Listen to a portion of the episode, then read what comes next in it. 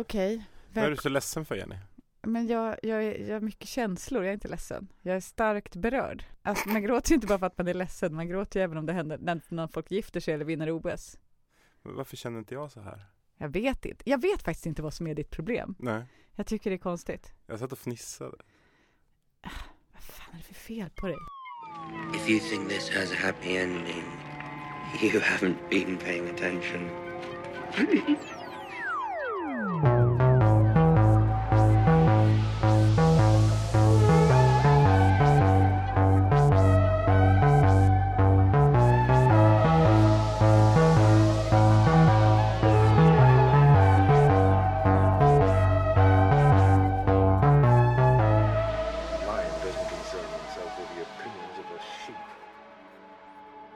Weirwood-podden. Ni har just hört eh, vignetten av Ragnar Schön och eh, jag heter Jenny Lindahl. Och jag heter Johannes Klenell. Och eh, idag kör vi utan gäst för att det, kommer, det kanske blir meningsskiljaktigheter ändå, känner jag på mig. Ja, men jag, jag, tänkte så här, det var, det var innan trodde jag nog det skulle bli mindre meningsskiljaktigt. Då handlade det ju mest bara om att vi skulle ha lite egen tid eftersom vi har laddat så jävla överhårt för det här avsnittet. Ja, Men Så här, du efteråt, nu tror jag att det kan bli blodigt. Det kan bli blodigt ja. Mm. Jag kan bli sur till exempel. Varför det? Ja, men för att du inte känner tillräckligt starkt för det som det här. Alltså jag kände ganska mycket i morse. Alltså jag gick ju upp halv fem i morse och kollade på avsnittet. Det är mer att du är utmattad. Jag är väldigt utmattad, men, men eller, eller jag, jag är lite så här när man är på kollo Ja, och sitter uppe lite för länge på natten. och det börjar bli fnissigt. Och så börjar man bli så bästa vänner med dem som sover i samma sovsal. Och så fnissar man och fnissar och fnissar och fnissar. Lite så är jag nu. Men jag måste säga, när jag såg det i morse Mm, eh, så hade jag mycket ångest när jag såg det. mm, För att jag, jag, var, jag var orolig. Nu när jag visste hur det skulle gå när jag såg det en gång till, då kände jag istället, då kopplades alla de andra känslorna på, det vill säga när man blir berörd. Jag har ju ett upplägg här. Ska vi köra på det? köpa upplägget. Då, då tänkte jag till att börja med att vi skulle prata om skillnaden på vad man kände om det här avsnittet innan man hade sett det, Mm. hela den här uppbyggnaden, och efter. Så vad, vad är dina känslor innan? Eh, att det här skulle bli århundradets tv-händelse. Jag har Mm. varit så laddad så det har varit löjligt. Alltså jag, jag kände mig igår kväll innan avsnittet gick Mm. Så kändes det som att det verkligen var så här du vet när man sitter och väntar på att striden ska komma. Lite som det var i förra avsnittet. Mm. Att, att, att man liksom sitter där. Alltså jag var ju på väg att börja sätta mig i ring med fyllda främlingar och börja liksom fylledubba. Mm. Kanske ligga med någon. Mm. Bara för att liksom så här. Ja, det är kvällen före The Battle of Winterfell liksom. Nu kan allt vara slut. Precis. Mm. Kontakta någon exflicka. Alltså du vet så här, Mm. vad, vad som helst kunde hända. Be förlåt om alla man, man har gjort någon orätt. Precis, ringa varje person man har gjort någonting taskigt mot. Så kände du igår. Ja, hur Ja. kände du? Nej, jag kände hur jag har liksom successivt blivit mer och mer känsloladdad. Jag hade också den här starka förväntan av att nu kommer århundradets avsnitt. Mm. Eh, och nästan så att man inte bryr sig om avsnitt 4, 5, 6 som kommer sen. Nej. Utan att det här är avsnittet. Mm. Och eh, jag har blivit mer och mer känslomässig kring karaktärerna. Så jag kan knappt se, så här, typ, jag kan knappt se en GIF på eh, någon karaktär på Instagram utan att börja grina. Alltså typ att hela, var och en av de här karaktärerna är så laddade med betydelse. Mm. Var och en av replikerna som, alltså så- man påminns om en replik från säsong ett, sånt gjordes ju mycket i det här avsnittet sen, men Mm. All- allt som bara påminner en om den här historien och hela uppbyggnaden, den fick ju sitt klimax i med förra avsnittet. När hela, de olika karaktärsutvecklingarna liksom kom till sin resolution på något vis. Mm. Eh, så att jag varit väldigt känslomässigt laddad. Och om man ska gå på efter så är väl det fortfarande. Men hur känner du efter? Ja, men det, jag tror aldrig det hade kunnat göras ett tv-program som skulle leva upp till mina förväntningar helt enkelt. Jag känner väldigt starkt, för jag tyckte att det var väldigt fett. Mm. Men är också lite upprörd och besviken. Mm. För att det var, alltså det, det fanns saker med det här programmet och avsnittet som, som störde mig. Som störde mig rejält också. Mm. Eh, det- det skavde på sina ställen. Alltså det, det, det hände saker. Alltså, Men jag tror problemet är att, att för mig var det här som att se zombiefilm och varför jag inte tittar på den typen av skräckfilm överhuvudtaget. För att jag irriterar mig så jävla mycket på irrationella beslut. Mm. Och det fattas så fruktansvärt mycket dumma och irrationella beslut i sådana filmer. Så att jag sitter bara och blir stressad. Jag är inte rädd. Jag är bara förbannad. Mm. Och, och lite så kände jag i morse när jag tittade. Att, att så här, varför gör ni så här? Vad fan håller ni på med? Vad- Skicka inte in dothrakierna sådär. Alltså, Nej.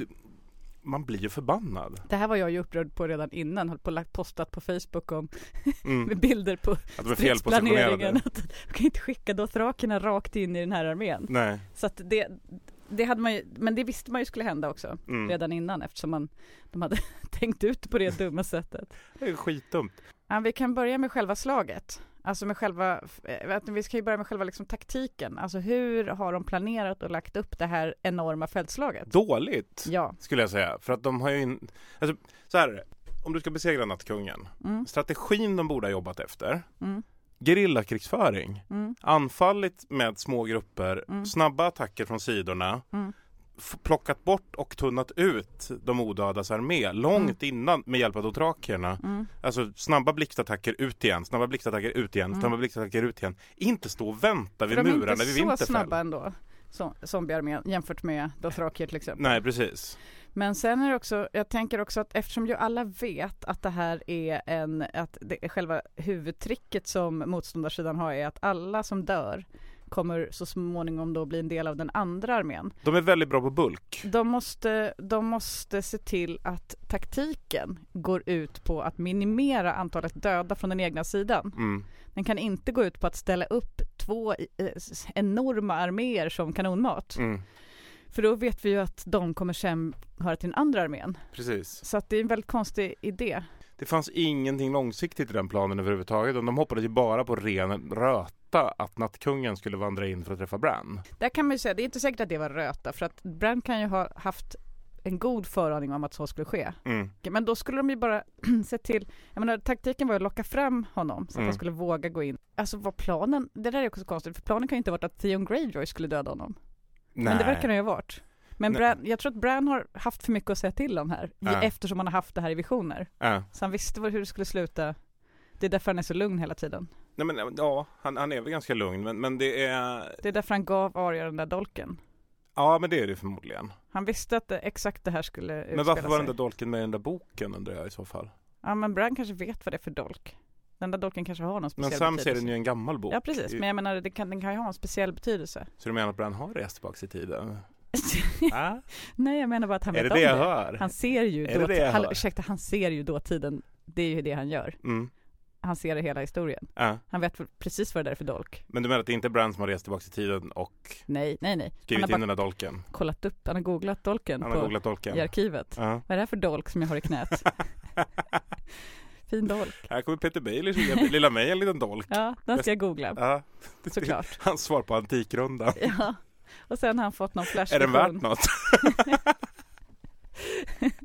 Men eh, jag tänker det som, alltså taktiken var väldigt irriterande, men det som slog mig nästan mest och som slog mig ännu mer när jag ser det än en gång är hur eh, onödigt vackert filmat det är.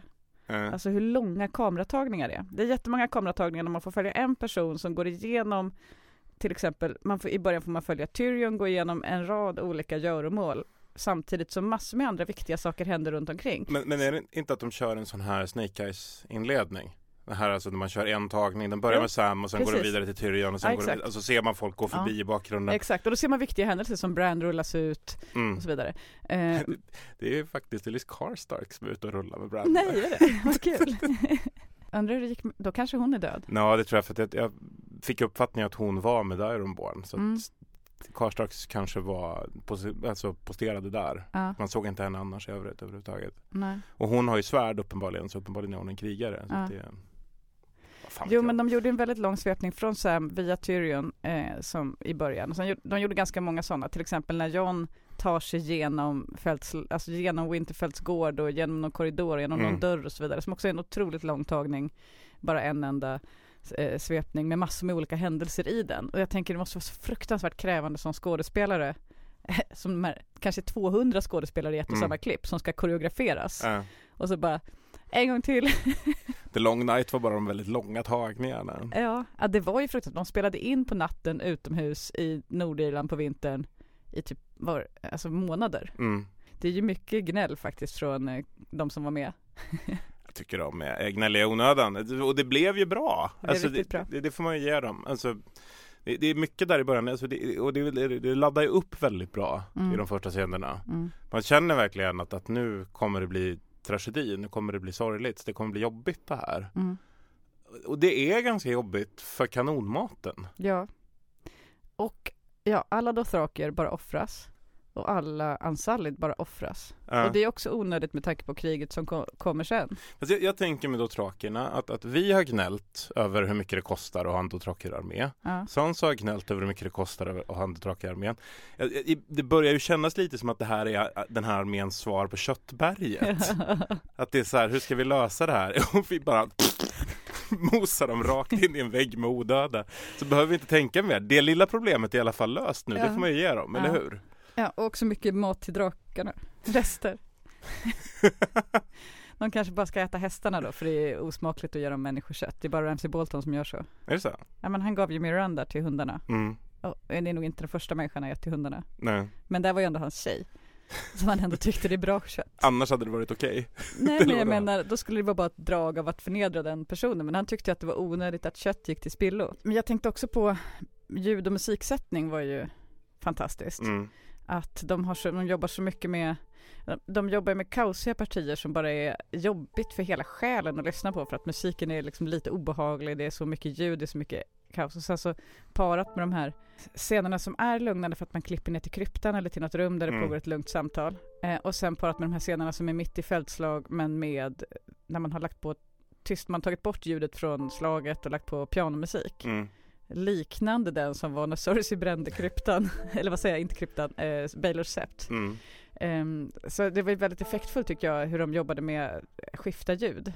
Jo men det tycker jag. Alltså, jag, jag kan, kan Ibland så irriterar mig på den här liksom korsningen med modern musik, Florence and the Machine Ja. och, och liksom hela den grejen och med de här stråkarna som, som lite ändå gav mig emo-vibbar. Mm. Det, det kändes lite som det var så här du vet, pretentiös musik för en gymnasieklassare. Tyckte du? På något sätt. Ja, men jag, förlåt. Ta tillbaka det där. på en gång. Ta tillbaka det. Ta tillbaka Okej, det. jag backar. Nej, men jag tyckte det faktiskt var samma problem när de, de sprängde Bale Sept också. Att, att jag tyckte den musiken var för modern helt enkelt. Ja, men det är ju ett grepp de väljer. Alltså de väljer ju det greppet för... Ja, alltså, en gång hade ju någon, någon irländsk eh, folkmusikgrupp eller något, jag kommer inte ihåg. De hade ju något helt konstigt, eller något indieband, jag minns inte. Det var något som var Mm. under the red wedding va? Ja. De var helt off. Eh, så så det, där håller jag med dig. Men i Mm. det här fallet så har de ju valt att lägga in, för att man har jobbat extremt restriktivt med instrument. Mm. Eh, och eh, bara, först, först används bara eh, stråkar, bara alltså, saker som kanske hör till den tiden som man tänker. Mm. Så, så att när de väl la på ett piano när, på den här scenen när Cersei spränger Baylor Sept, då var det första gången som piano var med överhuvudtaget i skåret. Mm. Det var ett förbjudet instrument innan. Det skapar ju en viss effekt. Mm. Och sen när man lägger in det nu också så jag tycker det är logiskt på något vis. Ja, men, men det, alltså jag tycker inte att det är jätteproblematiskt. Jag tycker bara att det är lite My Chemical Romance över alltihop. Ja, Så, lite. Det, Men eh, och det är okej, det får vara så. Men var inte det konstigaste apropå det förresten, vilket jag tyckte var snyggt ändå, men när de körde trailern för säsong 7 med Mm. James.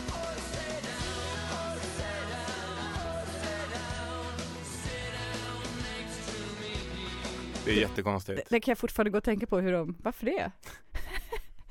Eh, sit down med Mm. James. Ja, det var helt, och det var helt ologiskt. Alltså att vi inte fick ett fältslagstal. Mm. Vi fick ingen som höll, ingen, för att det fanns liksom, det var den här känslan av att det är ingen poäng med att uh, gjuta mod i trupperna. Nej. Nu, alla ska ändå dö, så det var liksom Mm. De enda tal som, som hölls var ju små konversationer i små rum. Ja, Som- och, och på ett berg. Men, och det tyckte, Ja. jag, det tyckte jag var så himla fint, eller så här, det, det var så himla stämningssättande det här att, att man bara ser drakarna flyga iväg och då Ja. hör man bara deras vingslag. Ja. För det är så tyst ändå liksom. Det, det tyckte jag väldigt mycket om. Och, och mitt i det, en sur Tyrion. ja, som har hittat en vinlägel igen. ja. Fan vad kass han är nu alltså. ja, han har inte Det mycket. finns inte mycket livsglädje kvar i den lilla kroppen alltså. Jag skulle nog säga att Sansa gav honom den tillbaka lite. Pirra lite, Mm. Men, men jag skulle nog säga att han också är lite lättköpt just nu av den anledningen också. Mm. Han, har ju visat sig vara någon som gillar snygga tjejer Mm. väldigt mycket. Mm. Så, han, han, han går igång på det på en gång. Mm. Och, och han känner sig nog lite avvisad av Daenerys. Är det inte så? Ja, hon är jätteförbannad på honom. Ja. För ett, en klant. Men, men hur mycket klantigare än henne är han? Alltså hon sa, kan vi inte bara ta Kings Landing? Ja, Han bara, nej, vi ska göra den här krångliga planen som vi sen gick åt helvete. ja, Så att i det fallet klantigare definitivt. mm. Mer human, ja också, vilket Mm. ju är hans styrka.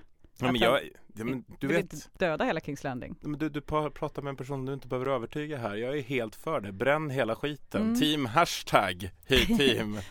Bränn hela skiten. Bränn Kings Landing 2019. ja men det kan ju komma till det fortfarande. Nej men det, det var så intressant för att, att redan i hans första scen här när han får ta på vinlägen så märker man ju det här att han är tjurig över att han inte får vara med i själva slaget. Ja, Att, att, att han känner sig underskattad ja, och inte får bevisas, liksom visa att han har ett värde. ja. Och, och det är nästan lite så att Sansa också nedvärderar honom där Ja. och säger men vi ska gå ner här nu. Det, det, här ska vi vara. Det blir inget Hallibaloo och slagsmål för dig. Ja, Tror inte att du kan slåss, du är för kort. Du har vunnit två fältslag, spelar ingen roll. roll. har du sett den här tjejen där borta som leder västra flanken? Ja, Hon har aldrig lett en armé. Den här 11-åriga tjejen som försvarar innergården. Nej men det är verkligen orimligt. Alltså jag förstår att han är lite kränkt. Ja, Och också att han är, eh, jag menar för det är hans, det, det där är ju hela hans liv har ju varit så. Att eh, hans pappa bara säger du duger inte. mm. Du duger inte till för den här familjen, det räcker inte. Och där, där ska han behöva stå med den igen efter allt han har åstadkommit. Mm. Både från Daenerys och nu också från, ja, från precis alla som bara du göm dig i kryptan, du gör ingen nytta. Ska vi prata om att det dyker upp någon precis innan slaget? Ja. Kände du att du eh, fattade vem det var? Jag, hade, jag fattade inte på en gång. Jag hoppades lite att det var Benjen. Men, Mm.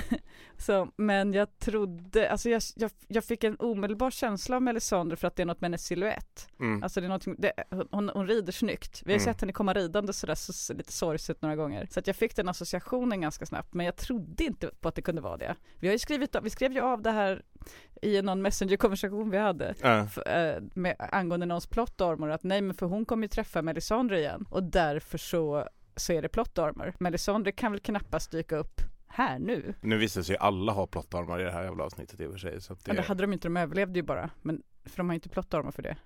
Alltså det vill säga, de behövs ju inte. det fanns ju ingen, ingen rimlig anledning till att så många skulle överleva om man ska vara lite krass. Nej, det håller jag med om. Man kunde Mm. verkligen dödat av fler men vad sjutton, eh, du tror väl inte att liksom Podrick Payne har plot armor bara för att han överlevde? Det är inte därför han gjorde det. De bara ville inte ha ihjäl fler. De kanske ska portionera ut det nu på varje, de, det är ju ett antal karaktärer kvar som de då får köra ut på resten av Ett avsnittet. Red Wedding i varje avsnitt. Ja, det är tre kvar så det är ju vad som krävs. det hade i och för sig varit ganska roligt. Nu bjuder vi fansen på överraskningar.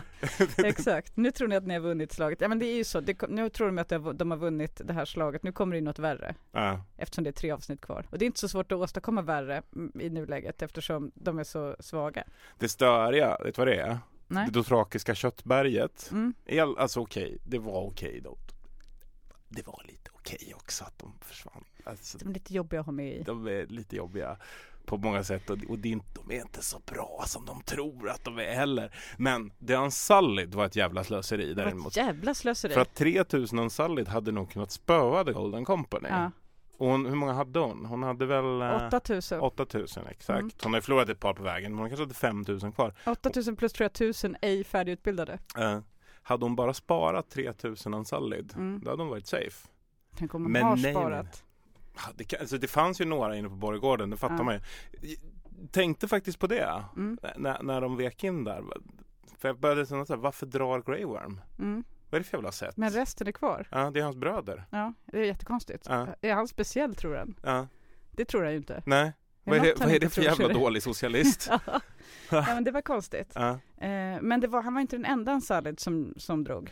Nej. Han var ju några stycken. Men resten fick ju stå kvar där på fel sida di- diket. Ja. Jättekonstigt plan. Eftersom de då sen bara kommer på fel sida i armén. Mm.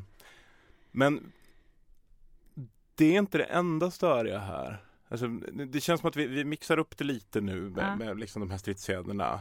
Kanske. Men, men, men Om vi tar första då. när då drakarna rider in. Mm. Viktigast Men- av allt där. Vad är viktigast av allt? Ghost. Ja, gud ja, Ghost. Så sjukt. Alltså, det är nästan som man kräver repliker åt Ghost nu för att eh, kompensera. Fast Jag fick för mig, det här måste inte stämma. Nej. Att, att när dothrakierna och Ghost av någon jävla anledning, för Ghost har ingenting med dothrakierna att göra. Han har Nej. aldrig träffat Jorah Mormont i hela sitt liv. Nej, han bara känner på sig att den här snubben är från Bear Island, han är Ja. cool. Det, här, det här är en kille jag kan lita på. Det, här, det, här, det här är salta killar som jag vill, jag vill springa med. Nej men det är jättekonstigt. Ja. Det finns ingen argumentation överhuvudtaget för varför den där vargen är dothrakierna.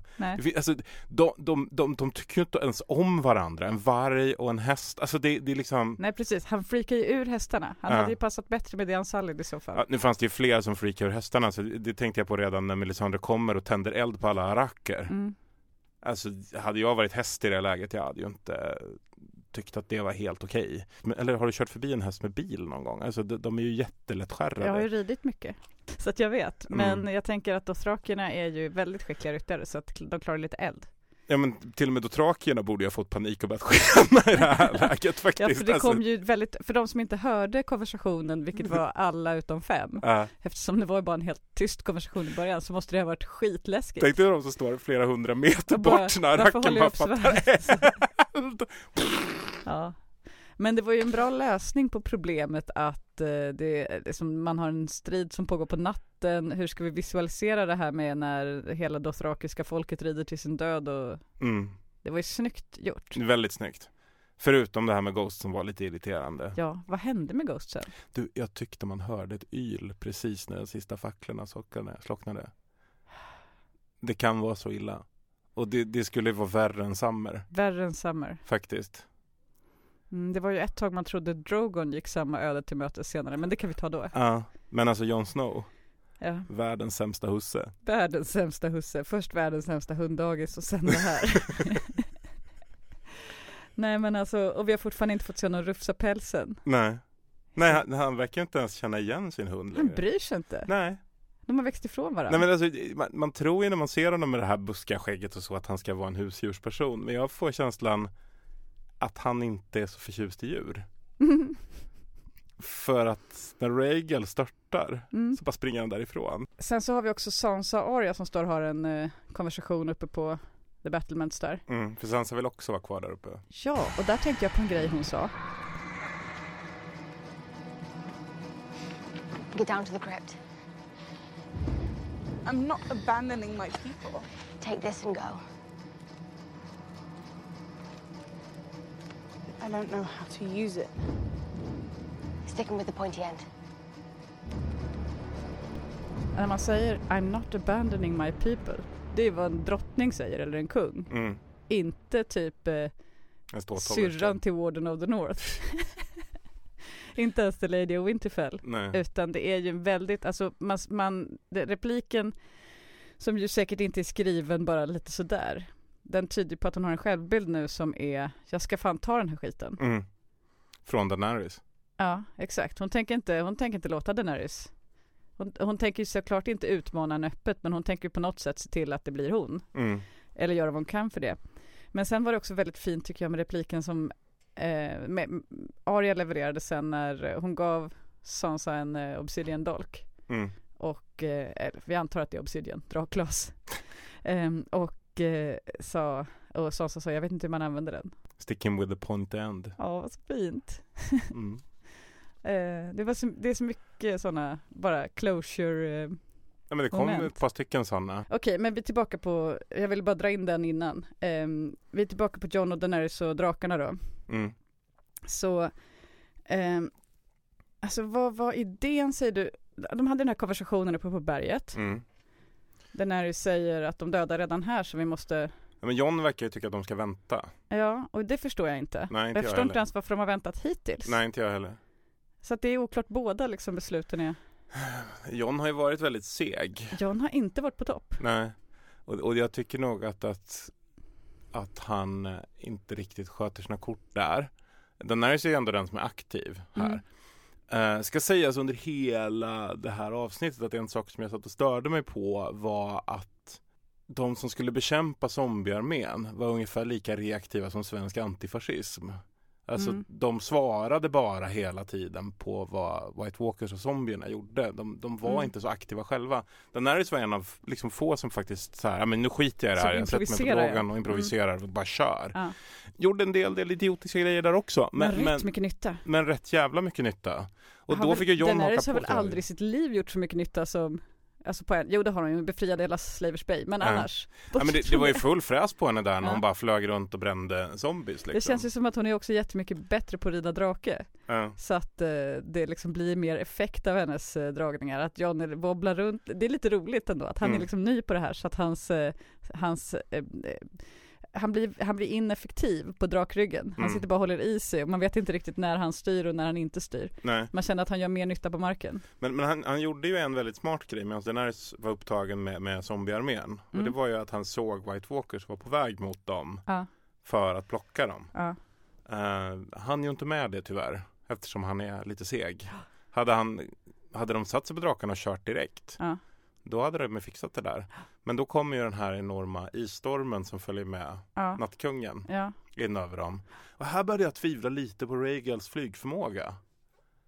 För han liksom kastas ner och börjar klippa trätoppar. Jag tänker att det är Johns flygförmåga vi snackar om, inte Regals. Men Regal måste ju ha någon egen vilja. Jo, jo, men han behöver också, han har någon slags styrning utav sin ryttare. Mm, Och när den fuckar upp, jag menar det är väl som en häst, alltså det är klart att det är svårt att rida en häst ut för ett stup. mm, Men, men, det, men det går ju om man rider riktigt klantigt, eh. även om hästen försöker undvika det. Jag tycker att de inte verkar ha en uttänkt drakstrategi. Mm, verkligen. Och det irriterar mig ganska Mm. mycket för att det finns en massa lägen här där drakarna kan göra jättemycket nytta. Där man undrar om de bara är ute och flaxar någonstans. För man Mm. ser dem inte. Det händer massor med saker. Vi, vi kan börja med ett läge Mm. Där det här borde hända. Det är när de har stridit ett tag och så kommer zombierna fram till vallgraven. Mm. Vallgraven börjar brinna och zombierna står stilla. Var är Daenerys då? Mm. Det hade varit ett bra läge. Jättebra läge. Hade i och för sig också varit ett jättebra läge för dem inne i Winterfell att göra massa saker. Typ gå upp på muren, någonting de kommer på att de ska göra först när zombierna börjar ta sig över Ja, vallgraven. det måste ju ha varit planen från början så de kunde lika gärna bara stått där. Ja, återigen, väldigt reaktiva. Det blev bråttom helt plötsligt. Ja, nej men de, de har aldrig bråttom. När de har övertaget så varvar alla ner. Ja. Extremt mycket hela tiden. Och, och det stör mig något så fruktansvärt. Det var faktiskt mest irriterande av allting. Det var just det här zombiearmén står still. Ja. Vad gör vi? Vi står också still. Tittar på lite. Ja. Känner av hur läget är. Kanske lite fikapaus. Ja. Alltså vem, vem vet? Zombierna rör på sig. Vi får panik. Ja. Upp på murarna. Alltså de hade ju kunnat göra så jävla mycket nytta. Ja. Fattar du om de hade börjat döda av zombierna när de stod still? Då hade ju zombierna själva byggt en sorts mur utav bara zombielik framför sig liksom. Mm, precis som Ramsey Bolton gjorde i The Battle of the Bastards. Ja, Hade varit smart. ja. Ramsey hade de behövt. Ramsey hade de behövt. hade varit mycket bättre om bara Ja. Ramsey Bolton hade varit där. ja men de hade ju, de, nu hade de ju typ väldigt kort tid på sig att formulera sin plan för fältslaget. Mm. Eh, eftersom det var en liten överraskning att de döda var så nära. Mm. Men ändå, bättre hade de kunnat gjort. Eftersom de ändå är smarta på detta, Ja. många av dem. Men okej, nästa John och Daenerys-fråga då Mm. är hur lite nytta gjorde John egentligen överhuvudtaget på slagfältet? Alltså han slog knappt ihjäl. Alltså Daenerys fick ju rädda John och när hon behövde hjälp så var han inte där. Alltså han, han använde knappt, alltså när han tog, skulle ta sig till Bran, Mm. då högg han ju ner en del. Mm.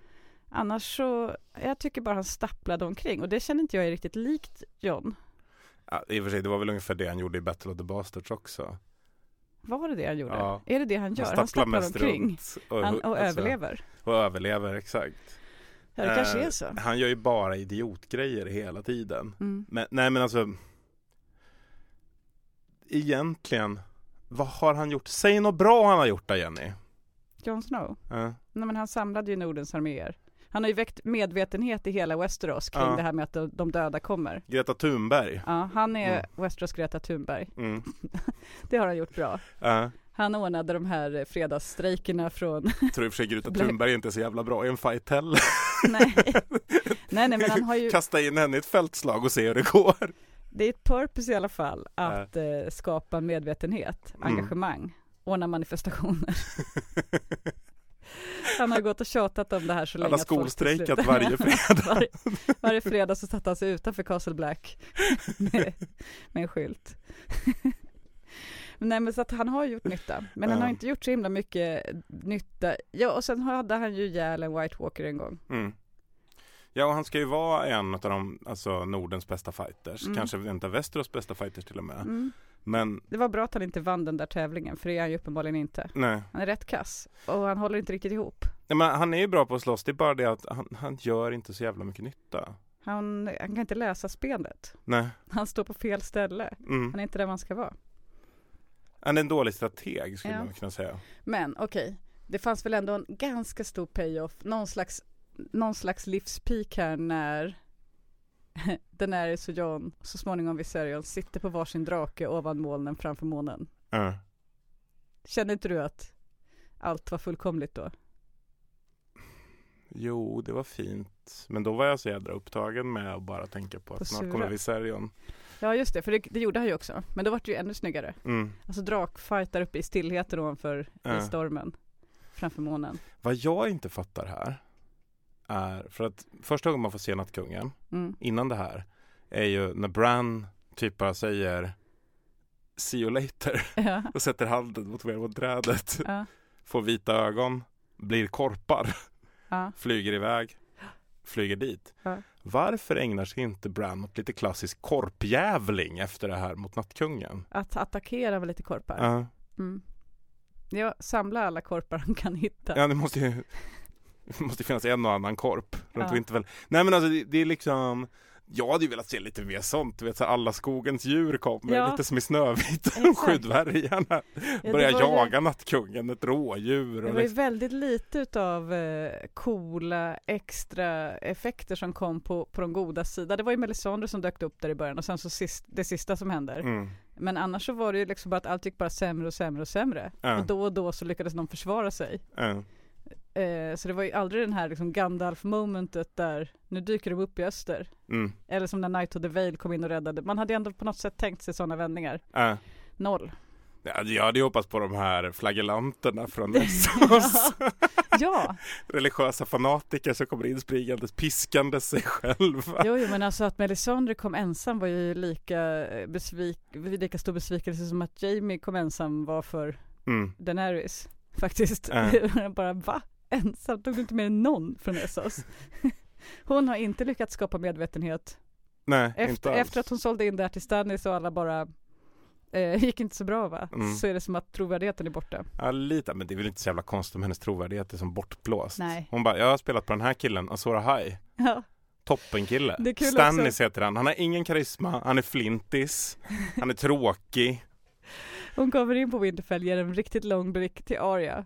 Mm, Och eh, när man har sett avsnittet igen så ser man den tydligare för då förstår man vad den betyder. mm. Att Melisandre vet, men hon tänker, jag säger fan inte ens något för att de är så trötta på mig nu. Eller hur? Ja men det är verkligen så. Först sa jag Stannis, sen sa jag John och fan, Jag kan ta fel jag igen. kan inte, nej, jag, jag bara, jag, det kommer ju gå så jag vet det, jag behöver inte berätta. Liksom Melisandre och vargen. Hon ger en hint bara till Arya direkt, som, Mm. som bara Arya förstår. Så det, för det får räcka.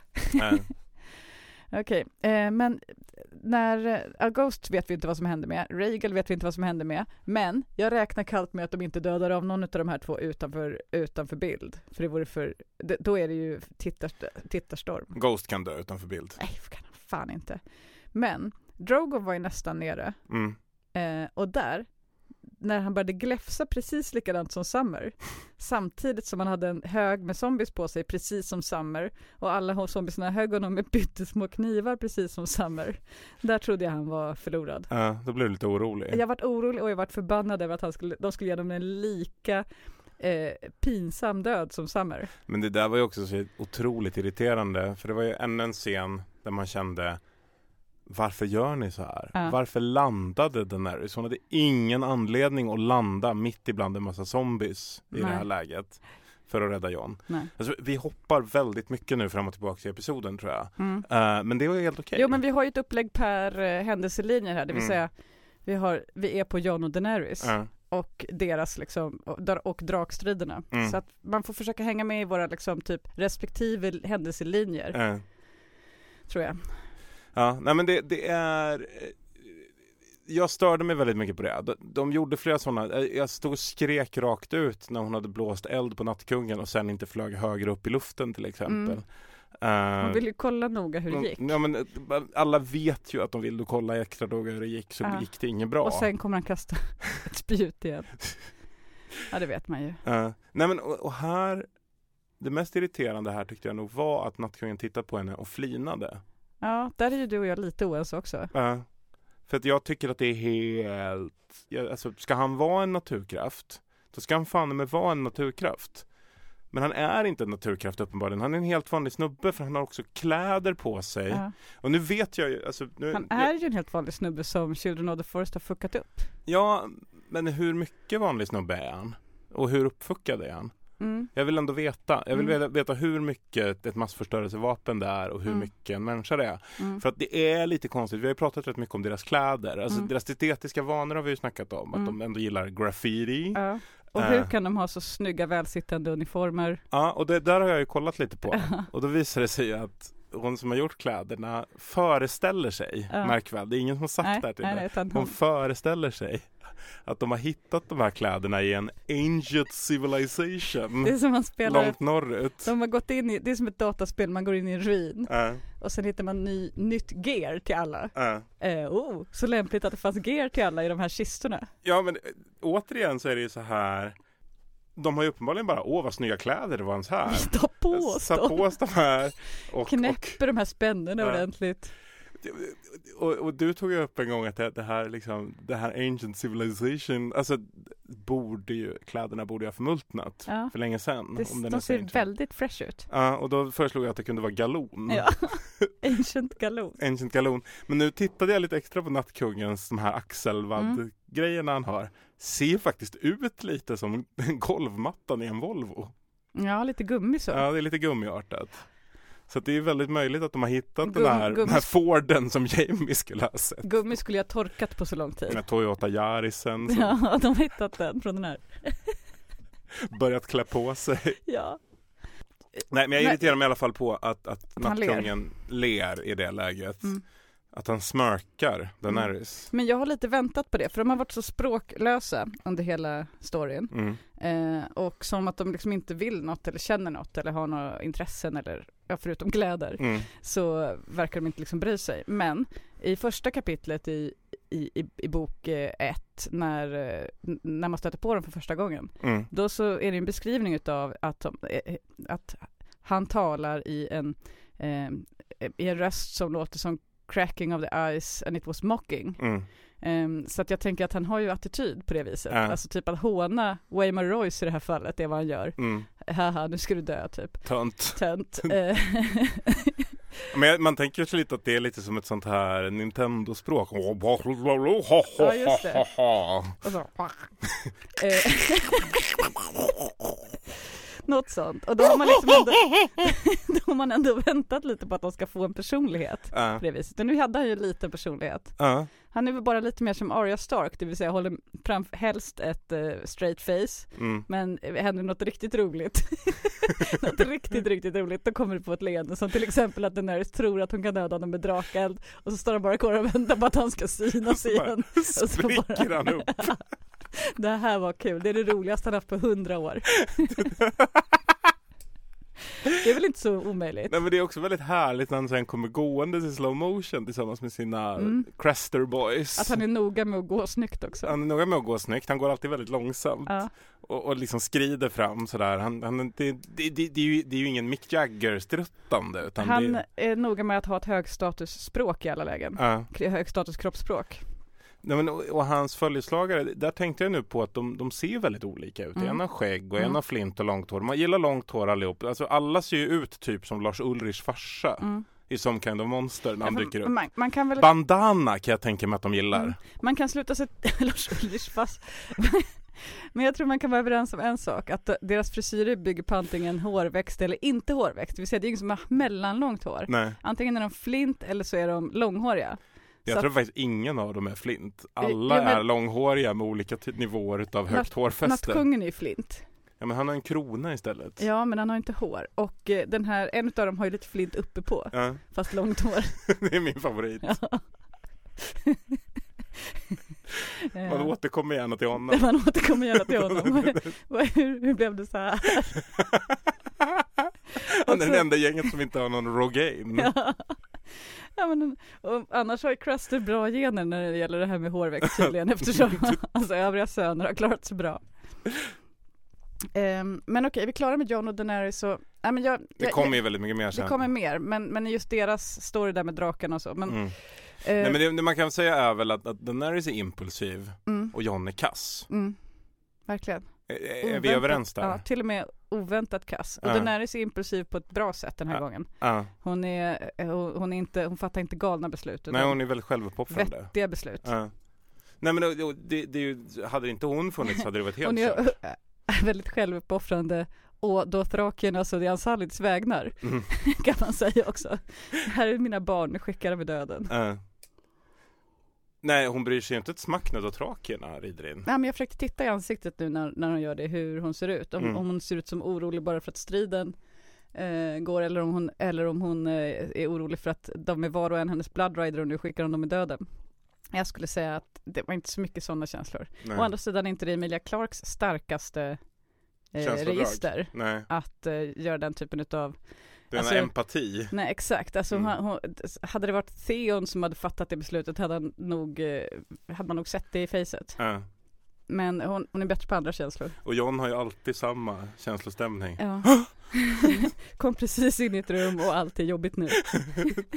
Åh nej. Ja, nej. Ja men det stämmer, jag har tittat på det efter du säger det. Han ser ut som han precis Ja men det är som avs- det finns ett vänneravsnitt där Joey ska ge tips på hur man blir bra på foto. Mm, Och det är att man så precis ska titta upp mm. eh, och så försöker Chandler öva på det men det går Mm. ändå inte bra. Men eh, det är lite så John jobbar, han har precis gjort en huvudskakning. Ja, men han är som det inverterade ljudet. Ah. Ja, Du vet man gör det när allting bara är härligt. Ja.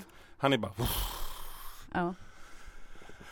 Um, Okej, Jamie och Bren då? mm. Där hände ju inte mycket ändå. Nej de bara slåss. De bara slåss och de slåss rygg mot rygg och de hjälper varandra och de stöttar varandra. Och De gör ju rygg bra. mot rygg De gör med rygg sina rygg. valeriska Medan det svärd. brinner runt omkring dem. Medan det brinner runt omkring dem. Så de fyller ju hela hans profetiska dröm där egentligen. De står med, sam, med, med ice kan man säga. Mm. Varsin del slåss. Mm. Det är vackert. Ja. Eh, och Podden är hela tiden också på ett hörn. Mm. Ja, han står verkligen på ett hörn. Han är liksom, jag är också med det här gänget. Typ.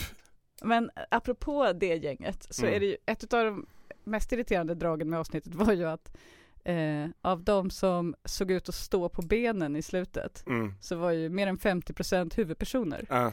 Det är inte så mycket, alltså det är inte så trovärdigt Nej. att bara folk som vi vet namnet på överlever. Nej. Det var faktiskt ganska frustrerande att det var så. Det, Ja. det, det, alltså det, det är det jag menar med att det fanns ju någon sorts märklig plot armor. Fast det kanske inte man ska kalla för plot armor. Det var ju mer fanservice armor om Mm. någonting. Exakt, exakt. Nu ska vi få ut det mesta av de här karaktärerna. Ja. Så då ska vi bara döda av några få i avsnitt tre. Ja. Jag, jag gjorde ju såna här, jag tog, och, tog skärmdumpar på de här slutscenerna när alla eh, odöda har fallit till marken. Så man ser vilka som står upp. Och Vad kom du fram till? Ehm, ja men jag kom ju fram till vilka som överlevde och inte. Men jag kom Mm. också framförallt fram till att det är väl en fyra, förutom nere i kryptan där är det ett antal icke namngivna personer som står och hänger. Mm. Men uppe på marken så är det ju, ja, vet, typ, typ två, tre alltså överlevande Äh, icke namngivna som man ser i bild. äh. För att när man tittar noga på de här bilderna när man ser typ fyra personer som står på slagfältet Mm. så ser man att en är Tormund, en är, Men det mär- märker man ju redan när John går igenom där när han, när han ska slå sig Mm. fram till The God's Food. mm, Så ser man ju redan där att det, det är ju typ bara hans Alltså folk han har pratat med Mm. som lever fortfarande och Mm. som slåss mot de odöda arméerna. mm. Det- Där är det ju lite orimligt på något sätt. För att det är ju jävla mycket folk som The Night King har väckt till liv alltså. Mm. Att de fortfarande står pall. Mm. det, det är inte helt rimligt. Jag, jag, jag har också sett lite kritik mot det här. Mm. Att, att man inte riktigt har brytt sig om att lösa det problemet. Utan ofta är det så att man ser liksom någon huvudkaraktär bli översvärmad, Mm. klipper, Mm. klipper tillbaks efter en stund och då är det typ lugnt. Man får inte riktigt se hur de löser de här situationerna. Jon Snow gör det till exempel när han just ska ta sig fram Mm, till Nattkungen. mm. Han står ju mitt i fältslaget Mm. där alla de här odöda reser sig. Mm. Kommer tillbaka lite tid senare, då har han liksom tunnat ut beståndet utan att man får se hur det har gått till. Ja, men jag, tycker inte, jag känner inte att de har gjort det här som ett sätt att hoppa över delar, utan de har gjort det som ett sätt för att skapa så många cliffhangers som möjligt på så kort tid som möjligt Äh, i scenklippen. mm, Så att de vill att varje scen ska sluta med att man verkligen undrar hur det gick. äh, Och då har de liksom inte tid att lösa, alltså tid att liksom dra hela historien igenom, utan man får bara se de här slutpunkterna i varje scen. mm. Eh, så tolkade jag det i alla fall, att det, liksom, det, är, det är ett lite irriterande grepp, men jag tänker inte att det var slarvigt, utan att de verkligen har kämpat för att få dit det. Här ska det bara vara de här cliffhanger-scenerna, Ja. hela tiden, hela tiden. Man tror ju typ att Sam dör till exempel. Ja, När han ligger ner under Mm, en massa och visst. hugger och skriker. ja och det är jättemånga motsatta eh, cliffhanger-scener också, som eh, om vi kommer in på Tyrion och Sansa, nästa ämne, Mm. så slutar ju den scenen med att de att Tyrion tar ett, Sansa tar fram sin dolk, Tyrion tar ett andetag och man förstår att de tänker ställa sig upp och ta fighten. Äh, Men då klipper man bort. Man får inte se om de ens reser sig. nej. Och så där gör de ju hela tiden. Eh, men det, då, då är man ju så här, vad hände? Är de döda nu? Kommer vi? Eh, men hela den scenen, alltså Mm. från, om vi tar den från, alltså inte den scenen utan hela den, eh, den storyn om Tyrion och Sansa i kryptan. Mm. Där händer det ju nästan mest kände jag i avsnittet Ja. när det gäller utveckling utav handling. Absolut. För att det, alltså det, det börjar ju med Tyrion är sur för att han inte tycker att folk fattar att de är smarta. Ja. Det är då han Som säger det här med vanligt. nej men, vi kanske skulle se något som inte de andra ser. Ja. Och Sansa lackar ur, Eh, för att trött på det där skitsnacket, Mm. säger att man måste fan förstå verkligheten. Det är det mest heroiska vi kan göra just nu, se sanningen i ansiktet. mm. Should have stayed married. You were the best of them. What a terrifying thought.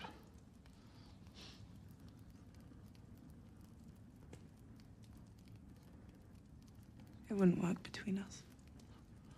Why not? The Dragon Queen. Och, och det här är ju det mest foreboding som händer i hela det här Mm, avsnittet egentligen. verkligen. Jag undrar hur många som tänker på det. Men, men Honda blir förbannad. Ja, men jag tror många tänker på det för det är så tydligt gjort. Eh, hon blir skitförbannad och hon fattar ju att Tyrion är inte att lita på. Nej. Och jag tänkte ju Hon först... säger ju ifrån ordentligt också. Ja, Jag visar lite tacksamhet. Om inte hon, och, och, mm, ingen skulle ha något problem om det inte vore för henne, för då vore ni alla döda. mm. Det är en bra replik. Det är en väldigt bra replik. Nej, men, och det, det jag tänkte då var ju att Grey Worm skulle dö i fältslaget, i det här slaget. Det gjorde han inte. Nej. Men och att Missandei då skulle bli utom sig av vrede Ja. eh, och rikta den mot Tyrion. Hon kanske blir det ändå bara på grund av att Tyrion är en sån svikare. Nej, alltså jag tänker att hon inte kommer att bli det nu. Men Hon, sur i alla fall va? jag tror att någonting kommer hända med Grey Worm på grund av något sorts beslut som Tyrion fattar. Och där är det kört. Mm. Faktiskt. För att jag börjar mer och mer misstänka att Tyrion inte kommer klara det här. Nej det kommer han ju inte. eh, nej det kommer gå åt helvete. Mm. Men hon kan ju också gå och säga till, det räcker med att hon går och säger till Daenerys, vet du vad Tyrion sa?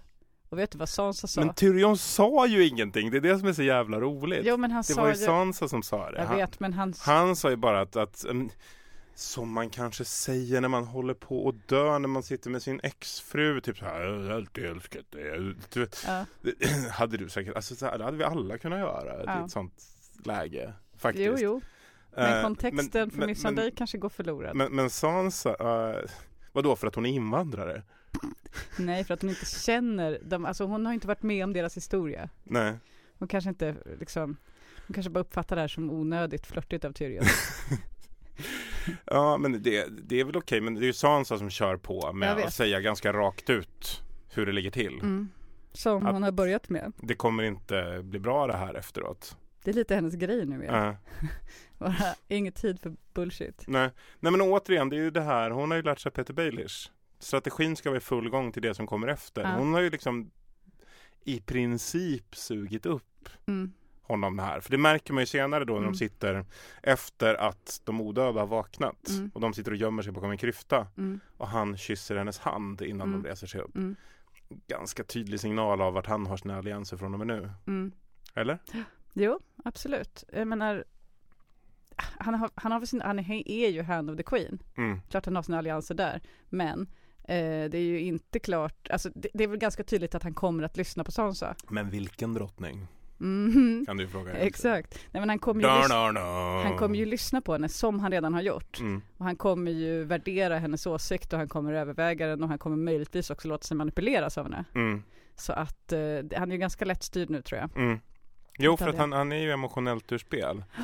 Mm, Det, det var ju du som pratade om det, att, att det är därför man ser honom nu upprepa sina gamla skämt. Ja, Så- exakt. han- ja, precis. Vi pratade om det. Varför gör han eunuckskämtet en gång till? Äh, Det är ju för att man ska förstå hur jäkla efter sin tid han har blivit. Att Ja. han inte har hängt med. och det här med vinet i magen. Ja och, visst, han har bara sin gamla repertoar. Den funkar inte längre. Tiden har sprungit ifrån honom. Han sitter ensam kvar och försöker göra sina gamla succéer och ingen skrattar längre. Ja. Och här kommer en, en, en snygg tjej som han har varit ihop med under sina framgångsrika Och som år. tittar på honom med den där blicken. Ja.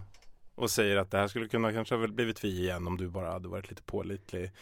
Och han, Ja. han blir lite till sig. Alltså, och där vaknar väl lite av den gamla Tyrion till liv kanske. Mm. Alltså, gamla Tyrion var ju lite så här också. Han har ju alltid varit en känslig figur. Ja.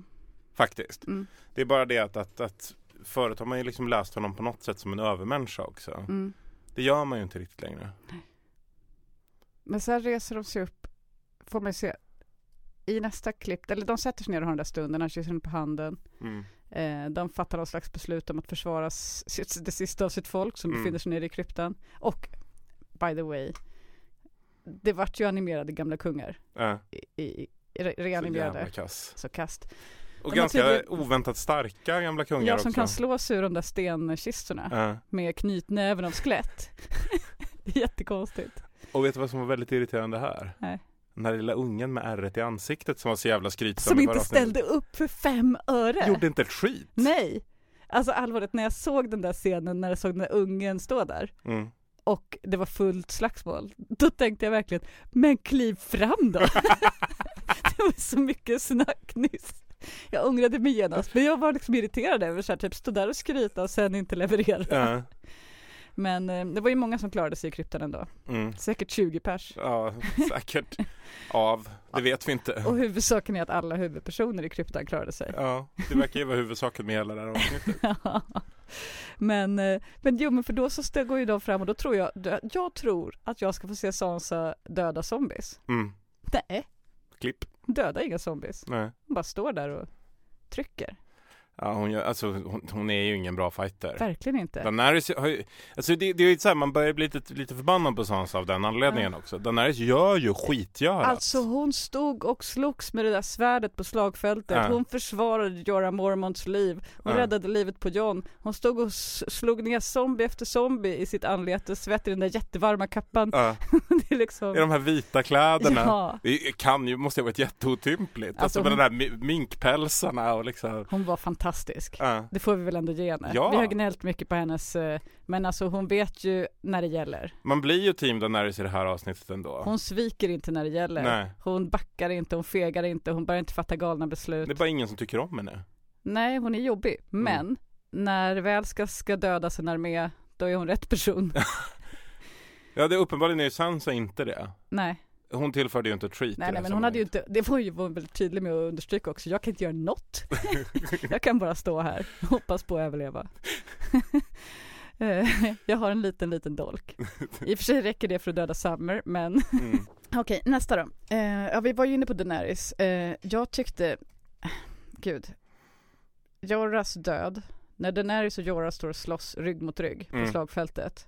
Och det är verkligen inte bara han som slåss, utan han blir huggen i, i, bröstet. Hon måste rädda livet på honom. Mm. Och hon står och svärdas och fightas.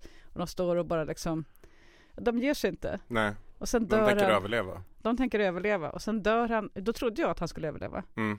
Eh, Jag hade ju gett honom noll chanser nästan innan, men i den där stunden, då var Mm. det bara vad bra, hon räddade honom, han kommer klara sig. Ja. Och så dör han ju av skadorna bara för att han liksom typ har slagits för mycket i hennes armar när allt är över. Han blir ändå genomborrad. Nej men han kämpar ju tills han Ja. vet att hon överlever. Det är Ja, han han, han drivs ju av kärlek. När allt är slut och lägger han sig ner och dör. Mm. Utan Men- slutreplik.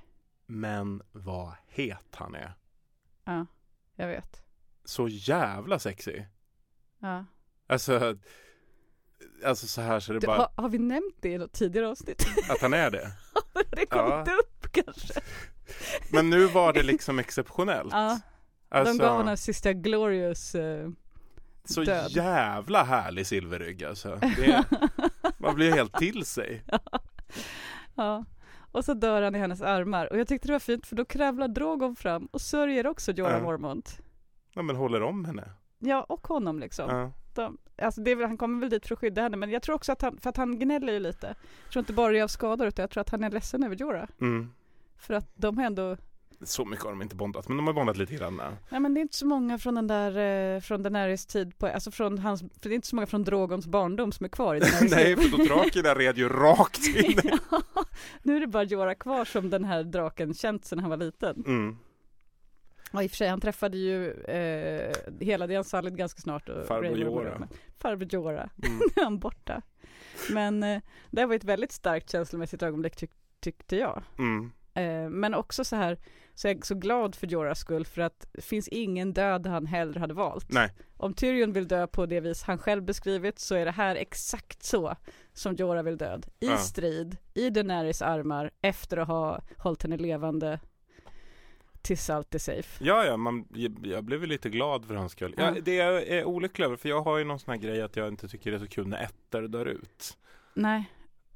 Hela ätten är förmodligen, ja det beror ju på. Ätten Mormont är borta. I böckerna är de, har ju Lyanna fyra stora syskon, Ja, men i förra död. avsnittet pratade Lyanna och, Jorah om Ja. det här. De har ingen, nej precis. Nej. De är de enda. Att en av dem var tvungen att överleva. Mm. Och då blev hon förbannad. Mm. Jävligt episk avslutning på henne dock. Tycker jag. Herregud, vilken, alltså fruktansvärt episk avslutning. Ja. Vi såg ju den här alldeles nyss med våra kollegor. Mm. Och då, det var ju, Stående ovation. det var ju spontana applåder Ja. som utbröt i rummet. Trots att hon dog. Trots att hon dog, men det var ju så snyggt. Ja. Hon dödade en jätte. Ja. En zombiejätte till och med. Mm. I och för sig lättare än att döda, hade det varit One hade ju inte räckt med, det kan ha varit One. Nej det kan inte. Han Nej det inte- var inte Von, jag har fått det bekräftat. Ja just det, för att de måste ju ha bränt honom eftersom Mm. han var på Winterfell. Nej, hon, men det hade ju inte räckt om att bara hugga en kniv i ögat. För det är ju för att det är det här med drakglas och zombies Ja. som är så känsliga för det. Ja, de är väldigt känsliga för det. Ja, det är tur alltså. Ja. Och det där tänkte jag också på flera gånger när Jorah och Jon slåss och eh, Jamie och Brienne med Valerius stål. Mm. Att det är värdelöst mot de här krakarna. För att eh, det är som att slåss med ett vanligt svärd. Obsidianvapen är mycket effektivare mot dem. Är det så? För de står ju bara vid, alltså typ, det är inte alls som, de, håller, de dör inte bara av ett pet liksom. Nej. Utan man måste använda det som ett vanligt svärd. Ja. Men vad då dör de av ett pet med obsidian? Ja, typ. Nej, Ja, inte, det måste fortfarande huggas en hel del. Ja, men jag vet inte. För att när de försökte ta sig över eh, den här diket som var grävt och det. Ja. Då skrapade de sig ju lite på obsidian som de hade klistrat fast på de här. och då började det ju brinna på de ställen där de skrapade sig. Jaha, det tänkte jag faktiskt inte på. Så att de är ju superkänsliga. Ja. Och då var det bara lite rispa. Så att jag tänker man behöver inte hugga jättedjupt för att de ska dö. Ja. Men, men nu har vi redan pratat om att Jorah dör. Mm. Eh, vi har inte riktigt kommit fram till de andra som dör. F- för nästa i raden där är, är väl Beric Dondarrion egentligen. Ja, och den ska vi komma in på för nu ska vi gå igenom hela Arias story från avsnittets början, från efter att hon har lämnat Sansa till slutet. Okej. För att eh, det, det tycker jag är intressant, när man vet hur det slutar Mm. så var det så intressant att se om avsnittet och se det utifrån Arias perspektiv. Ja. Eh, utifrån man vet, alltså då blev det ju så, helt plötsligt när jag såg om det så var det ju hennes story Ja. man såg. Hela slaget var hennes story plötsligt. Och Det första vi ska säga Det är ju det sjuka Det absolut bizarra med att allt vi har hållit på med i fandomen Ja. i decennier om vem är Azora Vad är profetian, hur ska den bli uppfylld? Det var bara inget. Det var ingenting. Det var inget. Bara bullshit. Den storyn var bara, The Prince of a Promise. stickspår.